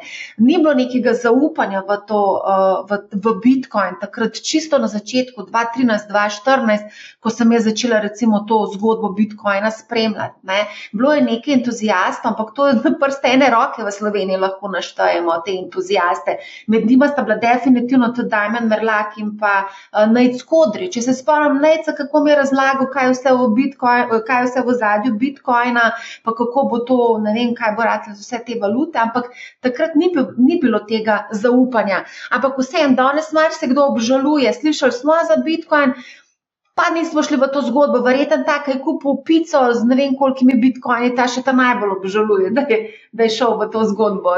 Koliko je dal za pico, se spomnite? Deset jurjev. Deset tisoč bitcoinov je bilo, ne? No, kaj je zdaj s temi obžalovanji? Veš, kaj, kaj bi bilo, če bi bilo? Čak, Kristjan je bil prejšnjo vprašanje. Uh, uh, zdaj je bil Marks zgodbo... pa je bil Gaj, prej je bil ne, pa Kristjan. Prejšnji, a prejšnji je bil, dobro, nima veze. V glavnem, nekdo je vprašal, kako se znova spraviti. Jaz mislim, da tukaj Andraš že prej, pa tudi pol uh, zdaj um, v zadnjem odgovoru Matej nekako dal neko, neko, neko zdravilo za to. Ne? Jaz bi rekel, ko se ti kaj tazga zgodi, je enostavno potrebno se um, dati mogoče emocijam manj prostora in več prostora neki čist preprosti matematiki. Razpoložljivi dohodek moj je x, okay? x ali pa y odstotkov od tega bom vedno dajal za to in to obliko vrčevanja. Eh, z odstotkov od tega razpoložljivega bom dal nekam drugam, in z k delom se bom igral, čez brez slabe vesti, bom poslušal, ne vem, Petra v gostilni. In, in v bistvu si naredi nek, nek plan, ne, kjer si ti na ta način dolgoročno udeležen pri tem, da, da, da, da, da postopoma pač uh, vrčuješ. Ne. V nekem malem delu, če imaš to željo, da se igraš, se igrajo. Tako da um, nekako se mi zdi tudi v preteklih letih mnogo, mnogo teh traderjev je šlo po podobni poti, kjer si najprej bil eh, trader, ki si gledal neko ali tehnično analizo ali situacijo na trgu, si tradal po nekih emocijah, zdi se ti, da je to, zdi se ti, da je ono in potem. Eh, določen odstotek teh, ki je bil to sposoben, ki so videli, da ne, da ne gre, so enostavno, enostavno šli v neko kvantitativno trgovanje. Ne? So pa vzeli ene parametre, pa so rekli, če to in to in to, takrat da je ta in ta signal. Ne? Pa imaš pa postavitev backtesting infrastrukture, pa iskanje uh, različnih trgovalnih strategij. Torej, emocije, emocije omakneš, pa rečeš, da jemo poskusiti z, z matematiko ali pa s fisko ali pa kako že temu rečeš, ne? s programiranjem in vsem, kar spada zraven. Eno zgodbo bi glede, glede tega izgubljenih priložnosti povedal. Ne. Jaz sem tudi, jaz sem prvič za, za Bitcoin slišal, moja leta na Saksotu, mimo grede, so bila od uh, 2010 do 2019. In v bistvu sem slišal že tudi precej zgodij, ampak po čisto popolnoma zanemaril. In potem se živo spomnim, kako sem um, kot takrat že nekaj middle management v banki leta 2016 ali 2015, ne spomnim se zdaj, se z lastnikom Saxe, bank, Saxe banka v Mercedesu vozila po Tel Avivu, ker takrat sem jaz tisto regijo pokrival in smo šli do Mizrahi, pa Psagot, to Mizrahi je banka, Psagot je broker in tam smo iskali nove relationshipe. In jaz se vozim s tem modelom, ta človek mimo grede ima zdaj, po moje, neto premoženja med 500 milijonov do milijarda evrov. Prodal je svoj delež v Sakso banki in se vrgel še v en kup drugih poslov. V glavnem tip je na Danskem poznan kot tak serijski podjetnik in zelo človek, ki ga res veliko ljudi spoštuje. V glavnem, jaz sem z njim v tem Mercedesu. On meni govori o Bitcoinu, jaz pa on so ujeta v, v, v, v, v prometu in on meni kaže grafe in on meni razlaga. In jaz tako, ne razumem, stari, ne vem, kva govoriš, da best. Jaz me je tako naroden, mi je bilo, ne, ker nikoli nisem v stiku s tem modelom, ki je banko postavil. Ampak on meni to govori, jaz to živo spomnim, takrat je bil, takrat je vem, 400-500 nekaj dolarjev. Ne. On meni to razlaga, jaz to ne razumem. Pridemo domov, jaz malo pogledam, ne razumem, ne razumem, štekam. Ne. In hotel sem to povedati, da cela banka, cela banka mladih ljudi, ki smo ponujali derivative, ki so ljudje se imeli za ne vem kakšne market guruje, cela banka je praktično vse do 2019, vse do 2020, popolnoma zamudila celoten boom, ki se je na Bitcoinu zgodil. In v bistvu ta neka kognitivna disonanca, pač pravi izraz, torej v bistvu neka situacija, kjer si ti v nekem svojem mehurčku, kjer smo čisto vsi na ta Bitcoin gledali zviška kot nek špekulativen, ultravolatilen, nič vreden inštrument, je kar nekako zajela banko. Zakaj? Zaradi tega je banka fucking zamudila vse, ker so se pojavili kripto exchange in pobrali biznis in je bilo treba zviška gledati, ker nismo bili v tem poslu. In je samo fucking lastnik banke, ki je verjetno zaslužil, ne vem, sedem mestno številko v evrih ali pa celo osem, a ne na tem premiku, uh, ki sam, uh, vem, da je bil fully izpostavljen na Bitcoinu. Edin on je bil, ampak on ni mogel navzdol prepričati, da je to nekaj, kar bi banka lahko ponujala kot nek inštrument. Sakso je začel, meni se zdi, še leta 2022, 2023 ponujati derivativno Bitcoina. Ne? Hočem reči, da si ti v neki, notr, eh, v, neki, v neki sferi, ki te obkroža z precej enotnim mnenjem o tem, da nekaj ni ok, tudi sam težko preskočiš. In jaz, potem, ko sem se odločil, da imam dosto tujine po desetih letih, sem slučajno nekaj najdel neko priložnost na, na BitStampu, smo se zmenili za šestmesečno sodelovanje, kjer sem mogoče malo pomagal fantom pri enih stvareh, ki so bili na saksu čist domače, oni so jih pa nekako mogoče takrat definirali in takrat sem fucking white paper prebral. In zašel čisto od začetka in z unim nekim svojim znanjem o finančnih trgih, pa makroekonomije, ki mi je bila vedno blizu, sem pa začel tako skrb, da je. In to je bilo 3-4 leta po tem, ko mi je nekdo, ki je zdaj vreden milijardo, mi je rekel, le stari, to je zanimivo, da je kup. Pa me ni parjel. Dokler nisem sam se znašel v, v, v neki sredini, ki sem jo spoštoval in zahotel biti adekvaten sogovornik in zažil white paper brati. Od takrat, seveda, sem se bil tudi na tvojem podkastu, sem o Bitcoinu, Bitcoinu malo spremenil mnenje, ampak zanimivo je, kako ti te stvari grejo mimo. Pa smo bili kao moderna investicijska banka, ki ponuja te produkte, pa smo vsi zviška gledali na to. Ja, res je. Ja. Ampak mogoče um, mogoč bi jaz le samo eno stvar dodal. Sej, Uh, če gremo gledati različne disruptivne zgodbe, ali pa venture capital, ali pa startupe, ne, pogosto v bistvu je težko ugotoviti, kera stvar bo šla tako delač, kot je šel Bitcoin. Ne? In je ta skepsa, in je zaradi tega mi tudi recimo v našem podjetju strogo ločimo razliko med podjem in delujoče podjetje. Ne? Podjem je, it can go anywhere, it can be a unicorn, it can disrupt, but who knows, will it? In zdaj. Tam imaš milijon glasov in dvomov o tem, kaj se bo zgodilo in kaj se ne bo zgodilo. In če nekdo preveč, jaz bom celo tako rekel, če nekdo preveč racionalno presoja v Bitcoin, je obstajala velika verjetnost, da dokler ni zlezel Bitcoin do vem, 40 tisoč dolarjev ali kar koli, ga itak ni resno imel, ker je bilo milijon problemov za inštitucijo, kva bo vse treba pofiksati. In je bilo lažje. Tega, ja, tako, tako. In pa še pol smo zelo videli, da zdaj je eno veliko čiščenje trga po FTX-u, se dogaja, ker so naredili prostor za velike igralce, da naprej te tračnice gradijo. Tako da uh, veliko, veliko stvari, mogoče, tako rekel, tisti, ki so bili not, so na srečo takrat pač šli noter in na srečo od tega profitirali. Jaz jim vsem čisto super prvoščam, je pa res, da pač vseeno se mi zdi, da veliko ljudi še zmeraj ne razume volatilnosti tega, kaj je v zadju trga, da to je še vsem trg, ki ni tako institucionaliziran in pač to moš razumeti in moš to sprejeti. Ne? Ampak, lej, bolj simpel je govoriti, kupite kaj tok, pa to se je zgodilo, pa vse živimo naprej in pa smo spet na unmu nivoju, kaj en neki prodaja. Ne? In bolj, bolj je težava, da ljudje doskrat lovijo lasten rep ki zraste in jih pač ubrijajo, no, če čisto po domač povedano. Tako da še najboljše skozi sem prišel, kaj držal, je hodil in je čim manj poslušal levo, desno in kupil real stuff. Če, če karkoli je bila lekcija, je to, če držiš inštrument, imej direktno fizično posest inštrumenta, če se le da, in imej to na varnem mestu. Pika.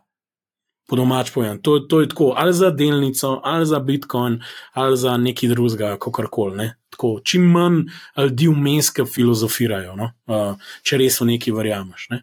Uh, pa klej se je tudi izkazal, tudi če si mehko stavo naredil, ne vem, par procentov v to v končni fazi, a ne polk se je to seštel, ne, ti donosi je itak to ratal bigger than your portfolio, ne vem, hundred thousand times. Ne? Tako da tudi te stvari se lahko zgodijo, ne? ni kontralogiki, ne, da ne daš noč čez vse, ne? ker tam je lahko tudi problem, ne? ker te ven izplune prej. Tako da, v bistvu so se vsa ja. načela potrdila tudi na tem kajsu, ko karkoli ga obračaš nazaj. A, a gremo mogoče naprej s temi eh, komentarji od naših uh, poslušalcev oziroma članov Discord uh, skupnosti. Uh, ful je bilo teh nekih komentarjev v smislu. Um, Da so, da, so, da so vložili v podjetje prijatelja, da so posodili prijatelju denar, da so uh, verjeli prijatelju, se pravi, skozi se omenja nekega prijatelja. Ali lahko mogoče se še enkrat pokomentiramo to, ko govorimo s prijatelji o raznih naložbenih nasvetih, je treba konc koncev. Če se pač upoštevati, verjetno treba neke svoje lastne cilje, lastno nagnjenost k tveganju. Zdaj, prijatelj, mogoče nima istih preferenc kot mi, ne, ampak mogoče zna dobro prodajati v navednicah, ne je zelo prepričljiv. uh, ne, in potem lahko podležemo. Tega je zelo veliko, no, kar se tega tiče. Tudi to, da vložiš v podjetje prijatelja brez pogodbe, da prijatelju posodiš denar brez pogodbe. Kaj je kakšno mnenje o tem?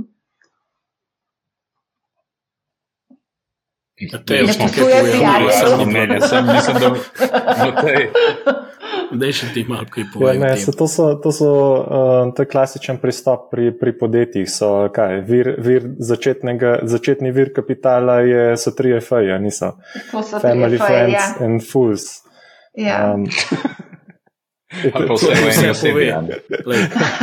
tako da, mislim, zelo težko je. je um, mislim, Če, če kdo hoče to razumeti, ne sitkom samo bedaki in konji pogleda, pa v razumu. Kaj je to? to? skozi neki hondlata, pa nečima ne rata, pa skozi dar pokurta, pa neki novega se spomnita in neki nabavta, zdaj pa bo. a ne. To je, to je približno tako. No. Mislim, nažalost. Ne. ampak hočem povedati to, še zmeraj podležemo raznim tem priporočilom, ki smo jih slišali. Konec koncev lahko tudi danes se mi tukaj pogovarjamo o neki konkretni delnici, pa bo verjetno določen procent to delnico uh, kupal. Potem recimo greš nekam, ne vem, mi razlagajo, da hodijo v Ma- Marja, gostilno a in slišijo. a la- A lahko kle Ja. En citat od enega tvojega gesta, gosta, Jima Rogersa, ne sprejemate lahko, ja. nobenih vročih Točno namigov, ne od mene, Ra- ni, ja. od, od nobenega, uh, puste to primir, pa se pa mal pohecal, razen če prihajajo od Marije. Mislim, da s to sem si zapomnil. To je bilo- to je bilo- to je bil to- hec. to- Ja, exactly. In, in, in pač to je približno isto. No, lej, če ne veš, kaj delaš, pust primir. kaj Vem, ampak še zmeraj pod črto marsikdo. pogledaš, veš, kaj ti prav, ne me narobe razumeti, ne, ampak pač ne zdaj to vzeti suho za gotovo. No. Tudi konec koncev v našem temu komuniti, pa ne samo našemu na Discordu, tudi kjerkoli druge se ljudje med seboj pogovarjajo o raznih naložbenih priložnosti. Konec koncev nas tukaj, tudi tukaj sprašujejo konkretno za neke komentar, za nekih naložbenih s- sorry, jaz vidim tukaj ful veliko razliko. Ne? Eno je, da ti prosto debatiraš o različnih naložbenih priložnostih. Ne?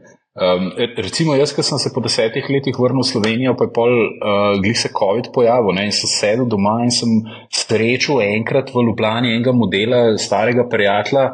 Um, iz, iz faksa, ki vem, da je zdaj na zelo odgovorni poziciji v enem od uh, slovenskih finančnih institucij, "E, jaz nazaj, stari, kvaj, zdaj gremo na kavo. Ne? In tako kava se ni zgodila. In sem jaz razmišljal, fakt, zdaj, ki je COVID, se ne vem, kje zadelati, kaj če bi ne par fantov zbobnil v eno tako neformalno grupo, da se enkrat na, na, na nekaj časa malo pomenimo o financah. In, in, in, in, in, in pač debatiramo. Ne? In imamo neko uh, WhatsApp grupo, včasih gremo kaj požrt, včasih gremo uh, ste fajn dobro metne in debatiramo. Pač. Ampak to je za me čist nekaj drugega, kot to, da greš ti en prijateljski odnos kakršen koli že bo, in tukaj vemo, da je ene nijanse, obremenjevati, pa ne če to glih prava beseda, ampak zagotovo kot denar ali pa posojilo, odnos, ki, ga, ki ga posojilo absolutno nekako. V popolnoma druge tirnice da, ne? kot da greš v bistvu na nek način ta odnos postaviti pod neko kocko. Torej, eno so neke čist proste debate nekih ljudi, ki se ukvarjajo z borzo in kaj vzameš, kaj ne vzameš. Ne? Drugo je pa, hej, stari, poznava se iz srednje šole, fulno dobro priložnost, da mi daš 10 jurjev. ne. Ta del je zame ful bolj sporen, zaradi tega, ker je tako neka čustvena komponenta zraven. ne. Tuk, tako, tako je nekdo lahko pritisne na nekoga, hej, tole imamo bogatela bova. ne. In tukaj moj nasvet, tako absolutno, absolutno se ne v taka razmerja spuščati. ne. Je pa seveda odvisno, koliko je to dobro prijateljstvo in ali ta znesek lahko takoj odpišeš. In če ga takoj odpišeš, ali boš lahko živel s tem, da seveda pod predpostavko, da želiš prijateljski odnos nadaljevati, da je ta človek vzel 10 ali pa x jurjev, ne, jih verjetno zagonil s kakšnimi odločitvami, ki bojo v retrospektivi itak izgledale čudne ne, in boš s tem lahko preživel in še vedno normalen odnos imel s tem človekom. Malo je takih ljudi. ne. Veš, Mislim, me- ko pa je tukaj pa- še familija, ki se mora za božič gledati, Isuse Bože, run away from that. Mislim, jaz sem tudi prav presenečena, zdaj, ko berem. Ne, bil sem nategnen strani kolega v propadli MLM schemi, investiral prek kolega na lepe oči in brez, da bi naredil svoje raziskave, brez kakršnih koli dokazil. Uh, Startup s kolegi, posojilo denarja kolegom. Mislim, tega je res fulno. Jaz sem res presenečena, da v bistvu kar tako le mal posojamo na lepe oči prijatelju uh, denar, brez kakršnih koli pogodb. Meni se to zdi tako, no, mislim, vse ste best prijatelji, ampak družine razpadajo zaradi par sto evrov, ne, prijatelj so pa še hitreje, verjetno. No. Uh, tako da, ja, to sem pač želela vse ene spostaviti, glede na to, da pač je to k tega ne, in sem presenečena dejansko. No. A bo še kdo karkoli na to temo povedal, preden gremo naprej? Ne, sej, tako kot pri vseh stvarih, ne moreš narediti domačo nalogo. Pa če ne razumeš, ka, ka, kakšen biznis posoješ denar, uh, s čim je lahko zavarovan, če ne moreš oceniti tveganja, ne tako kot uh, je Toni rekel, pač uh, tega denarja ne, ne boš dobil nazaj. In, in velja enak pravil kot za, za vse ostalo, pa če, če je verjetno za izgubo vem, 90 do 100 odstotna, potem temu primerno znesek namen za to. Uh, če pa veš, za kakšen biznis je in, in uh, za to posojaš, je pa spet tako. Če je brez pogodbe, je to večje tveganje. Če je pogodba, je manjš tveganje in pač so zneski temu primeri. Pač zmer se je treba na to skozi tveganje gledati, kakšna je vrednost izgube denarja in, se, um, in tak znesek potem določati. Da se lahko malo pohecam, to zmer se pritožujemo čez državo, ampak država ima tako, uh, povratna pa ne povratna sredstva, veste, subvencije pač. To je pa povratni inštrument, zdaj se pa samo odloči, pa delaš, veš. Ne? Tako da, lej, lahko tudi to logiko imaš zaradi mene, ne? A veš, in pač eno je za en namen, drugo drug in, lej, pač sam pravim, ne? Se jih hecamo, pa upam, da me ne bo pismo del moje družine. Najprej sem en del družine omenil, pa drug, zdaj spet tretji del družine. Jaz sem v resnici naredil to potezo. Ne. Kljub vsem temu, kar sem rekel, je prišla sestrična do mene s svojim partnerjem, imela sta takrat 20 glav živine. Um, izdelovala so, če se ne motim, sereno mleko, ne, torej tisto, kjer je pač mleko, ne vem točno na podlagi katerih res ibr zdravih kriterijev izbrati. V glavnem, širila sta se in sta rabila še 20 krav. In se tako, pač jaz, jaz prijem z enega sveta, ta zelo finančnega, in ona pride do mene in pravi: 20 krav bi kupila. Ne? In jaz in moj brat sva dejansko posodila sestrični eh, partnerju denar, pri čemer sem šel tako daleč, da sem odvetnika prosil, da pregleda, če bom lahko jaz varovalka, da bom krave, da bom krave zasegel, a ne če ne boste mogla vrniti denar. Da, da se ne morem spomniti inštrumenta, kjer bi za zavarovanje vzel kravo, presežem, presežem se hotel, da to preverim. V glavnem. Um, dobila sta novo pogodbo od ene od uh, večjih mlekarn tam v regiji, in, in dejansko sem jim zaupal, in vsaka čas vse sta vrnila, vedno natančno, vse je bilo v redu, ampak z bratom so se pa vedno zezali, ker so se v portfeljih pogovarjali, pa še krave, malo stari, ne smemo na to pozabiti. Sam sem se jim kravam, jaz tega res ne razumem. Merlak Pa naj skodrič sta imela oba, dva tudi krave, ne vem, koliko tavžen glav krav sta imela. Ej, je... poznam, slišali smo celo tam le dol na Hrvaškem in slovenski borznik ima neke ovce ali koze. Vem, Ej, to je kot tega... Bill Gates, ki naj bi bil, pa ne vem, je to res, ker nekje so disputali ta klejma, ne? ampak naj bi bil največji privatni lastnik uh, navadne zemlje ne? v Ameriki. Um, Fanti vejo, fanti vejo, kje bo, uh, po, po katerem mestu bo popraševanje.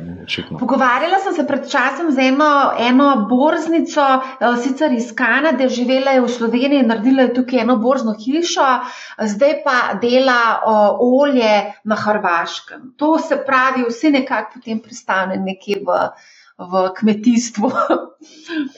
Nasitijo se lažnih, lažnega finančnega sveta.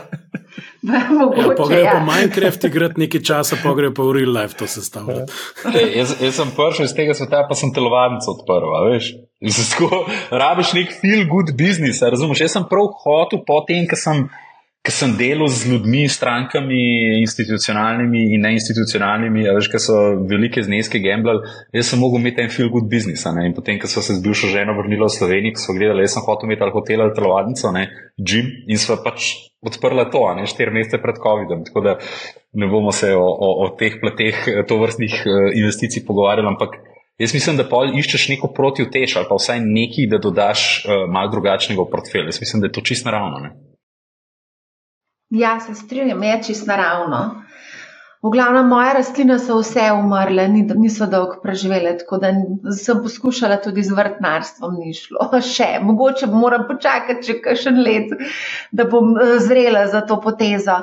Um, mogoče, a gremo pogledati, recimo, to se tudi doskrat pojavlja, um, pač enostavno, nekaj smo že o tem povedali, realizaciji dobičkov, do izgubil. Um, izgubil tisoč evrov začetnega vložka na šitcoinih, medtem ko je že vmes bil vreden 12 tisoč.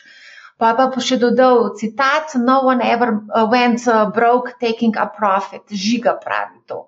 To je bila ena taka lekcija. Jaz sem pripričala, da marsikdo, ki ima kriptoportfelj, um, da je pač zaradi teh nihanj na eni točki imel ful, potem pa pač, ko je šlo dol, je pa tudi ta portfelj se ustrezno skrčil kako zdaj tole, eh, kako v bistvu postaviti nekaj. Mislim, da je Dajmen Merlak povedal, da on, ko kupi naložbo, že točno ve, kdaj jo bo prodal. Se pravi, si postavi nek cilj in potem naložba pri določenem, določeni višini, določenem znesku proda.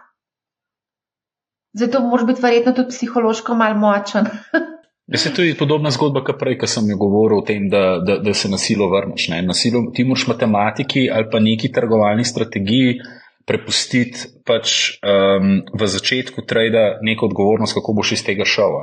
In, in ali imaš trading stop, je bil eden od primerov, drugo pa je enostavno, da rečeš, eno tretjino prodam pri tej ceni, drugo tretjino pri tej, tretjo tretjino bom pa pustil. Pa bom, Tako, če se emotivno odločaš uh, v času, ko si v poziciji, pa nimaš neke, neke, neke exit uh, strategije, ne, veliko krat lahko pride do tega, da si dosegel vrh, misliš, da je vse v redu, novice takrat bojo ita govorile o tem, kako bo vrednost tega aseta še potrojena do naslednjih binkošti, ne? Razumeš, ampak v resnici, ki se pa potem trend obrne, a ne likvidnosti zmanjka, vsi smo tam ujeti, nekdo začne panično prodajati, neka tehnična slika se obrne, špekulanti zapustijo pozicije, naenkrat je to vredno pol od tega, kar je bilo, in takrat nisi sposoben sploh sprejeti pozicije da, oziroma odločitve, da greš van. Tako da, ko vstopaš, naj neke, pač ne, neko, neko exit strategijo ne? in na ta način emocijam dati manjšo veljavo pri odločanju. Ne? Ja, same emocije na koncu vedno se mi zdi, da nas nekako premagajo v plus ali pa v minus.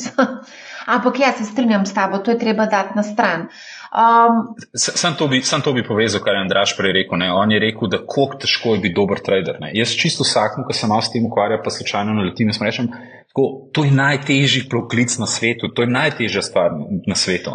Biti vem, aktiven day trader, recimo na teh ultrašpekulativnih. To je, to, ljudje nimajo pojma, kako je v resnici na dolgi rok kontinuirano z, nekim, z nekimi ustreznimi risk parametri, kako je težko to biti uspešen. Ne?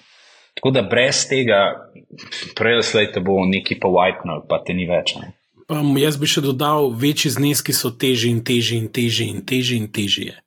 To je tudi ena stvar, ki folk misli, ne vem, ok, da jim reč, da noter, ne vem, 5 ur, whatever, se mu zgodi nekaj, pride na 50, levrežira, pride na 100 in reče: Wow, zdaj sem pa jaz car, zdaj pa jaz to razvalil. Na sreden trade 2 pa sem na pol milijona, pol milijona in gremo naprej. Kaj enkrat v tej zgodbi noter se ne zaveda več, da je bil že tako srečen, da je zunga naredil, da on je pushing the envelope. In se mi zdi, da tega se ljudje ne zavedajo. Višji greš, težje. To je kot unikarov let, se mi zdi na eni točki.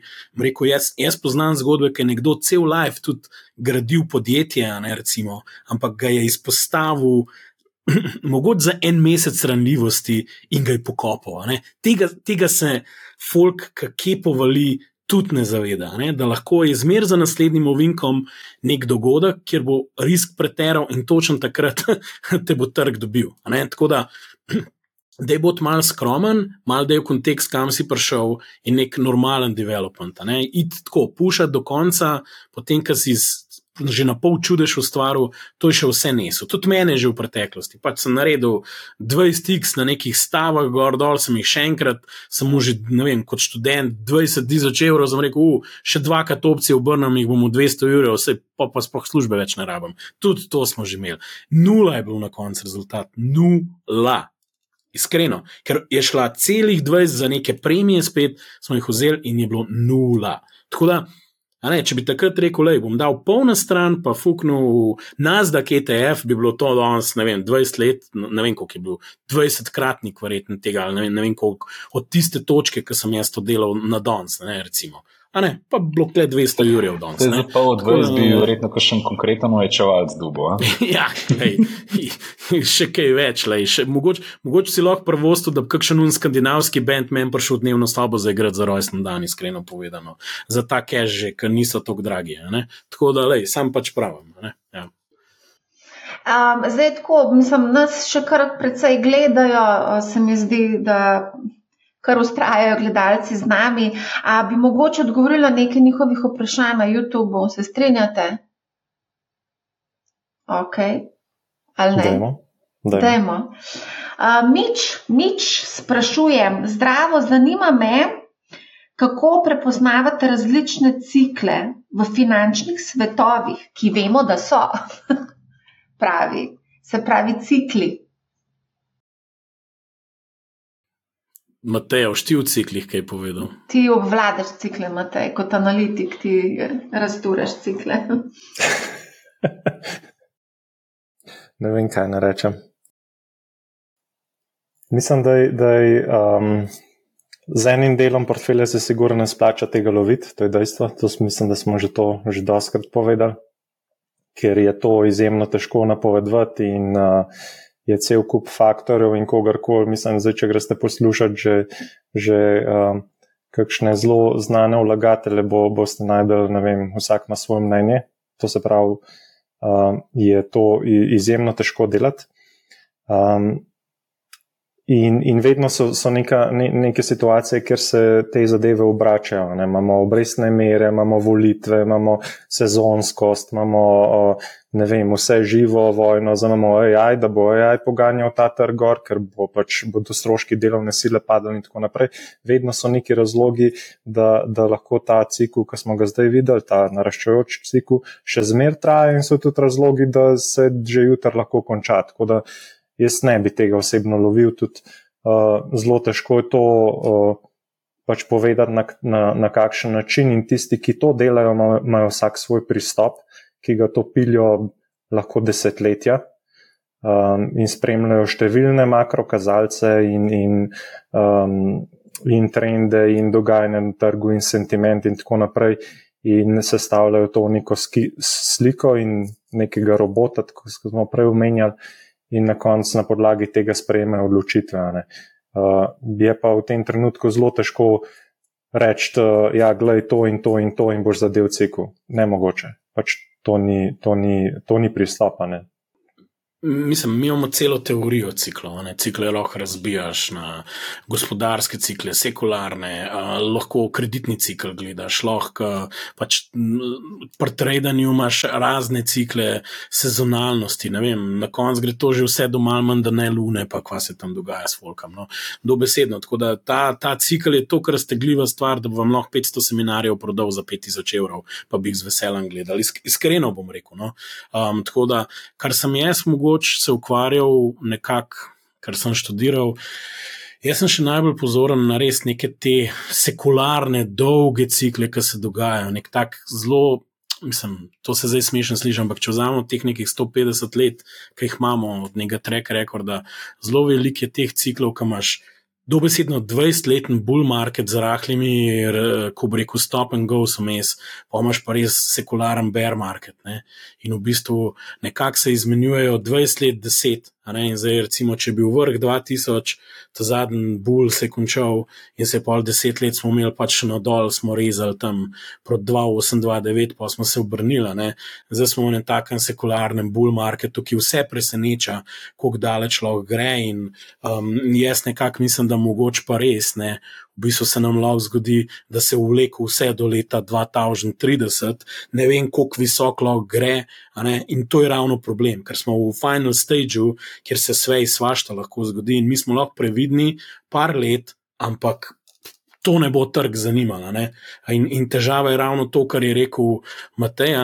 Valuacije so lahko visoke, kreditni cikl lahko pa prav, da ne, ne vem, bod previden, me več keša ali karkoli, ampak dejstvo je, da te stvari niso natančne. Ne? Mate pa recimo na socialnih omrežjih dobesedno za nazaj. napisan od takrat do takrat, in to je en tam neko, neko ciklično kartico naredil, in če to vzamete, boste točno vedeli, kjer ga, do kjer ga leta morate držati. Ne?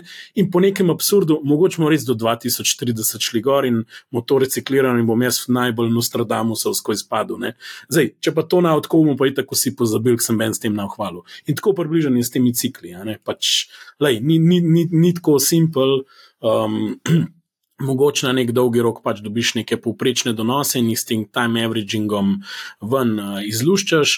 Če imaš pa specifične stave, moš pa narediti domačo nalogo in moš vedeti in jih postaviti v kontekst.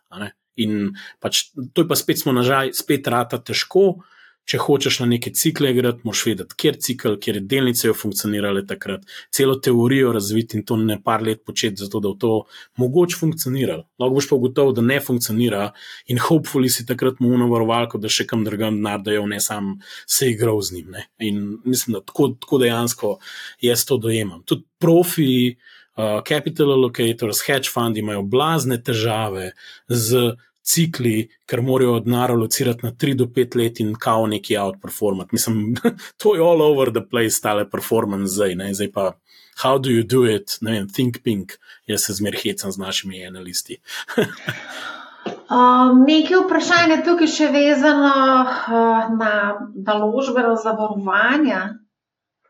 To ne vem, če bi sploh komentirala, glede na to, da Mogoče bi to včasih nek eh, okrog tega, vem, da so celo zavarovanja eh, ponujali eh, v baby centru za otroke, naložbene življenjske police. Sem bila pa zelo besma, ko sem zvedla, da, je, da so razna riziko življenjska zavarovanja, da se to še danes dogaja, da se to ponuja 75 let starim ljudem. To mi je pa totalna katastrofa. Riziko življenjsko zavarovanje je predvsem namenjeno tistim, ki imajo, ki imajo otroke, ki imajo neke kredite, starejši človek, ne potrebuje riziko življenjskega zavarovanja ker pač nihče ni odvisen od njihove, uh, njihovih prihodkov, vsaj načeloma ne. V glavnem, ok, jaz bi to kar preskočila. Um, mogoče zdaj tukaj še eno vprašanje prišlo, pa glede na to, da je kar aktualno, uh, glede na uh, tudi uh, ljudsko obveznico oziroma obveznico za državljane, ki jo je izdalo. Država, vlada 3,4% na letni ravni prinaša uh, za triletno obdobje. Tukaj je eno vprašanje, kako gledate na Ljubljansko borzo? Matej, to je pa tvoje področje, ti spremljaš slovenske bločipe.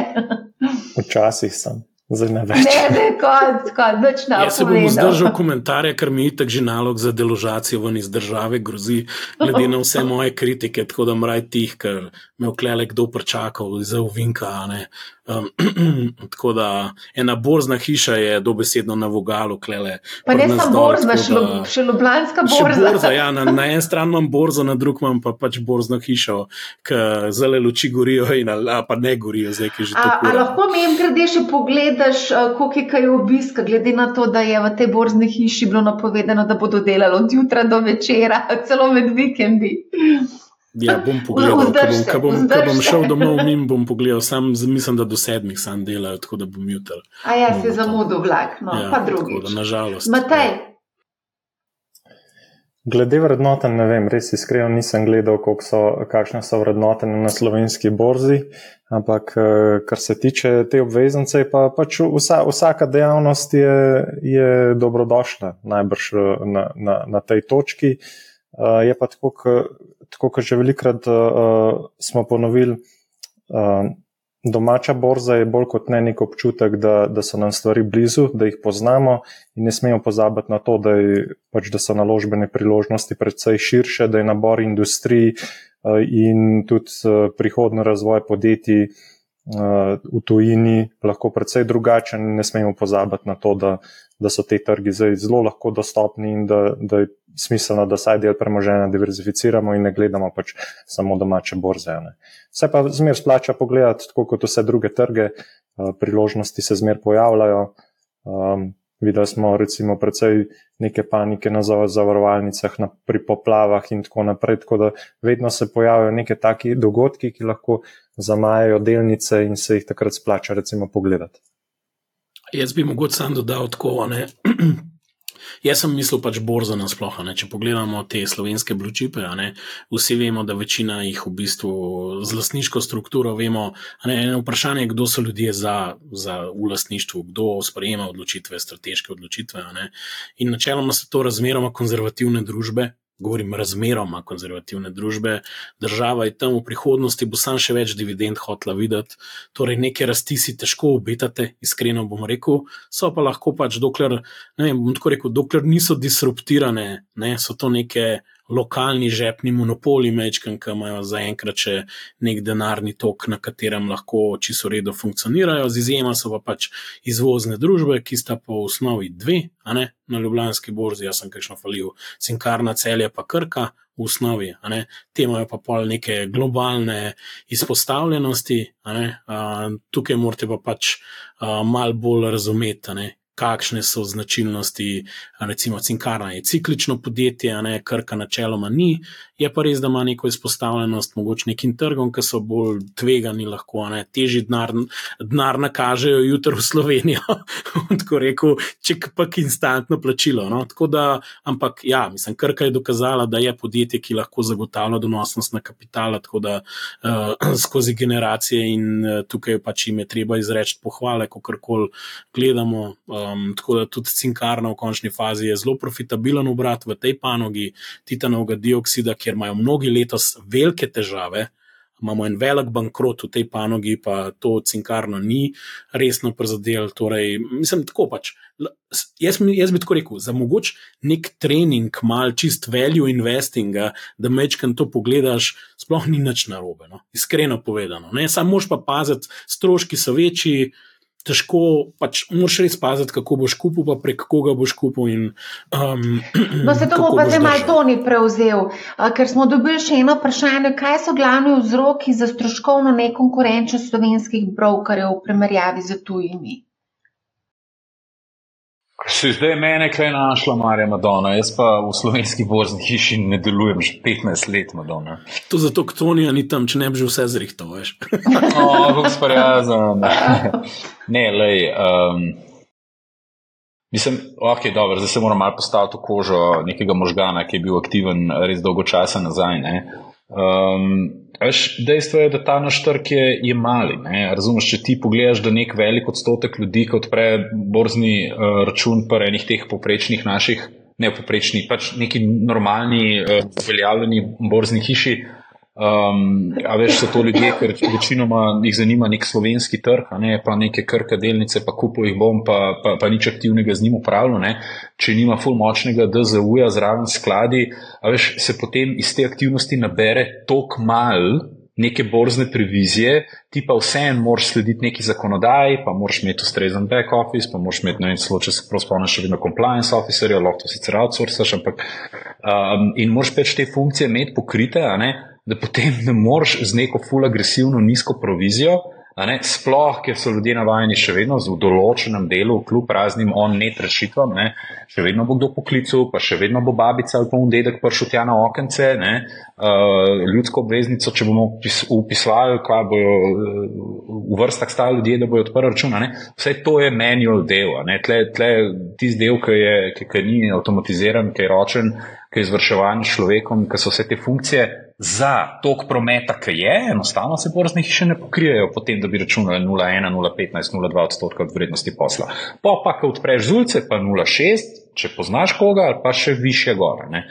In v bistvu, ko nimaš ti nekih ekonomij obsega, um, ne, moraš neki višji zaračunati, da sploh lahko pač pokriješ plače. Sej, če malo pogledaš, če se spoznaš na to industrijo, pa s kom se pogovarjaš. Veš, če, če pogledaš 15-20 let nazaj, koliko ljudi je sodelovalo v tej industriji, In koliko jih je zdaj, ali še tako, to so tako borne, pičle številke, se mi zdi. No? Um, vse je tako malo, ne vem, žalostno. Ne? In izhaja iz pač velikosti tega trga. Ne?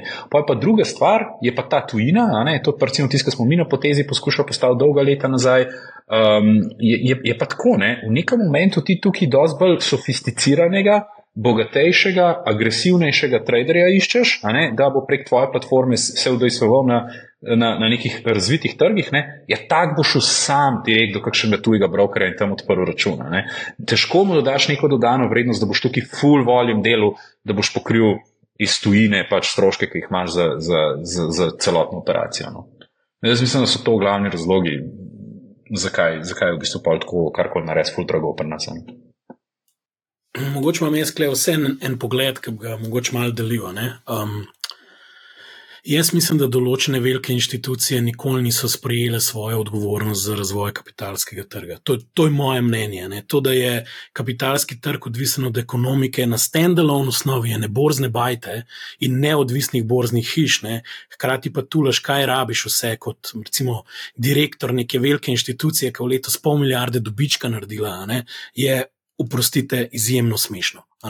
Zato, ker ne, če imaš ti blended model, kjer ti rečeš, bom omogočil svojim klientom dostop v končni fazi, tudi rekel, z nekim subvencioniranim načinom, ker tako od njih poberem, na drugi strani toliko več, bi lahko v bistvu sprejel rekel, neko odgovornost za to. Ali pa bom drugače rekel, tudi način, kako clearing poteka v Sloveniji, bi lahko zastavili drugače. Marsikaj bi se dal narediti. Tako da jaz, ne, če ti. Če ti rečeš, cel razvoj bo temeljil na eni ljubljanski borzi, pa dveh neodvisnih borznih hišah, in ti Eh, predsednik uprave največje banke reče: Mi nismo investicijska banka, kaj se ga pa greste, bomo sam posojali nek denar. Ne? Uh, hkrati mi pa ECB 150 milijonov ravno kar skeširala za visto na račun ne? in vse na računa za državljansko obveznico, 15-20 evrov za odpiranje računa, to, to je meni tako. Ok. Zdaj imamo pa polh na usta, ISG-ov, pa ne vem, česa še vsega. Tako da jaz sem klic bi rekel, prevzemite odgovornost za kapitalski trg, če ga želite imeti, da se stvari tudi bolj zdigitalizirati. Če pa mislite, da država mora kaj, da se pete pa še kaj pogovarjati, pa naredite razpis za subvencioniranje trgovalnih računov, če imamo za, uprostite, za vsak sranje, že zdaj razpis in se nepovratna sredstva delijo, da ni jutra, ne sutra, v čem že v, v, v načrtu za ukrevanje in razvoj, po bog si ga vedi čim. Se spoh ne vem več, a koroni ali poplavah ali neki drugimi traumatični izkušnji. Ne? Tako da to, to je neki stvar tudi neke volje in odgovornosti. Če pa, to, če pa se zanaša samo na to, kar je Toni rekel, da bo ena skupina manjša, neodvisna, preživela sam iz tega ven, si pa že v osnovi obupal, kaj veš, kakšen bo outcome, ki samo model daš, pa compoundaš, pa se nekje zaključ. To ni, nima terminalne vrednosti no, v, v kakršnem koli poslovnem modelu. In pač tako je. Uh, in in sam še, da zaključim,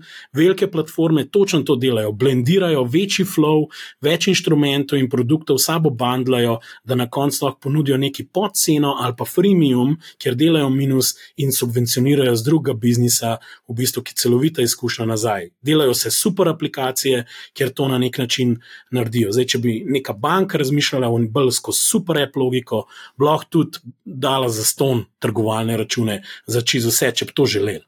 Pač ni volje in tako je. Ta, ta, ta del, ki ga jaz nikoli ne bom razumel, pa lahko, lahko, da res nisem bil dovolj upleten v ta del tega posla, ampak vem, kaj smo mi na Saksu tu ponujali, kakšne API, kakšen connectivity do praktično executiona katerega koli finančnega inštrumenta, pa isto Interactive Brokers, pa kakšni, druga, pa kakšni drugi playerji.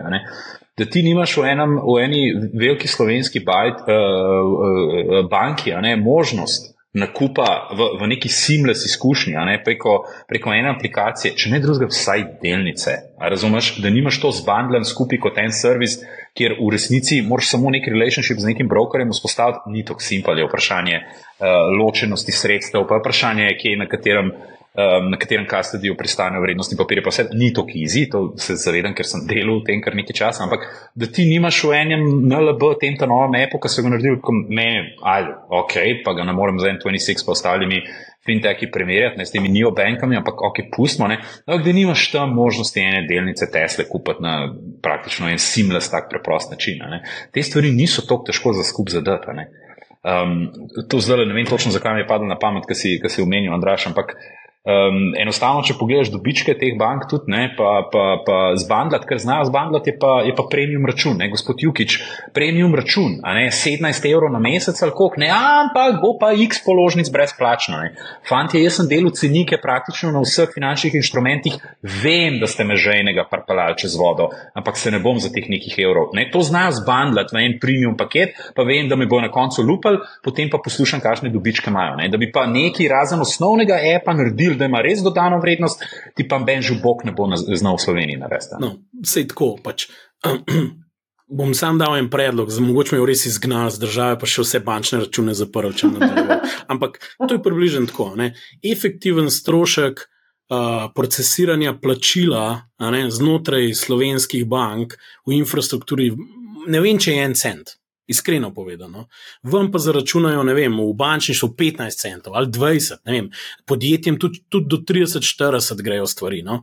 Mislim, vzem tam 3 cente, pa odpri v njih bogih 10 tažen trgovalnih računov. Ok, jaz smo zmeden, to je to. Še zmer boš zaslužil, ne vem, 20 centov, namest 18, ali koliko, mislim, namest 20 jih boš 18 zaslužil ker tega flova in boš mu pokrit to iz tega ven. Ne? To so pa une provizije, ki jih tam gledamo. Ne? In zdaj, tako, če hočeš, se vse da. In nič se ne opoznalo, to so tako absurdno majhne cifre. Unih 15 evrov za odpiranje računa, da a, a gremo obdožiti, gremo res obdožiti, pa to z dobičkom banke primerjamo. A bomo šli tako delač, da bomo rešili kapitalski trg. Veš, mislim, to je meni smešno. Marja, loše ima forentan. Ajo, jaz pa mislim, da glih zaključati. Ne, ne, sem se zdaj jaz, jaz sem jaz, hudiča sem spustil steklenice. Le, le, le, ja, zdaj se si hudiča vam spustil, ne, a veš, tako, pač sem komitent največje slovenske banke, se ne vem, se ne bo jezni, če jih malo konstruktivno po, pokritiziram, ne. Lej, pazi to, ne, tam sem 25 pa 30 leta, ne. Um, že nešteto različnih osebnih bančnikov sem imel in imam kredit pri njih, in imam svojo plačo, in imam svoje podjetje, in vse. Ampak jaz sem se slučajno, zdaj sem se odločil, da skočim donkete gledati, grem na tekmo, rabim dolarje. Razumeš, osebno bančnico križem, nobene dvigne telefona. Pišem, hej, rabim dolarje, pridvigam, pa vse bi neki gotovine rad imel nikjer. Grem na tavčerjevi, pridem noter, deset ljudi v vrsti, dva človeka delata na NLB-ju. In zdaj od mene ali pa od kjerkoli druge stranke se pričakuje, da je popolnoma normalno, da bom 37 minut svojega dragocenega časa porabil v vrsti, ker delata samo dva človeka in sem prišel v 11 in sem prišel v pol enih. Ne? In ne morem priti praktično do ene najbolj osnovne storitve. Če pa že pridem, bom pa 30 minut tam mogel zabiti, ampak njim je to normalno, na telefon ne bo noben dvignil, na mail se mi ne bojo javili. Ne? In vseeno, vseeno bojo pa pokasirali, koliko bo zdaj pokasirali profita, 150, 200 milijonov. Od česa? 223. Kakšne rezultate ima NLB? Ma, pol milijarde bo dobička, po mojem. Jezus, Jezus, se bože. Ja, zaradi okay. tega, ker sem razumel. Ampak ne bo, ne, vsaka stranka bo pol ure porabila svojega časa, da boš, najbolj, da boš plačal položnico ali pa da boš dvignil eno tujo valuto grozljivo. Ja, pač se pravi. Meni je grozno to, da, ti na, da, ti, da ti niti na mail ne odpiše. Grozno je to, da kličeš, pa da se nihče ne javi. Mene je grozno to, da me kliče iz nekatere druge banke, da ne pridem fizično v poslovalnico, zato da zaprem račun. Sem rekel, ne, ne bom prišla. Ne bom hodila sred službe, a pa še se celo dopust vzela, zato da pridem zapreti račun na banki, ki pač noče sploh imeti tam računa. Ne bom, to je treba nadaljavo vse urediti.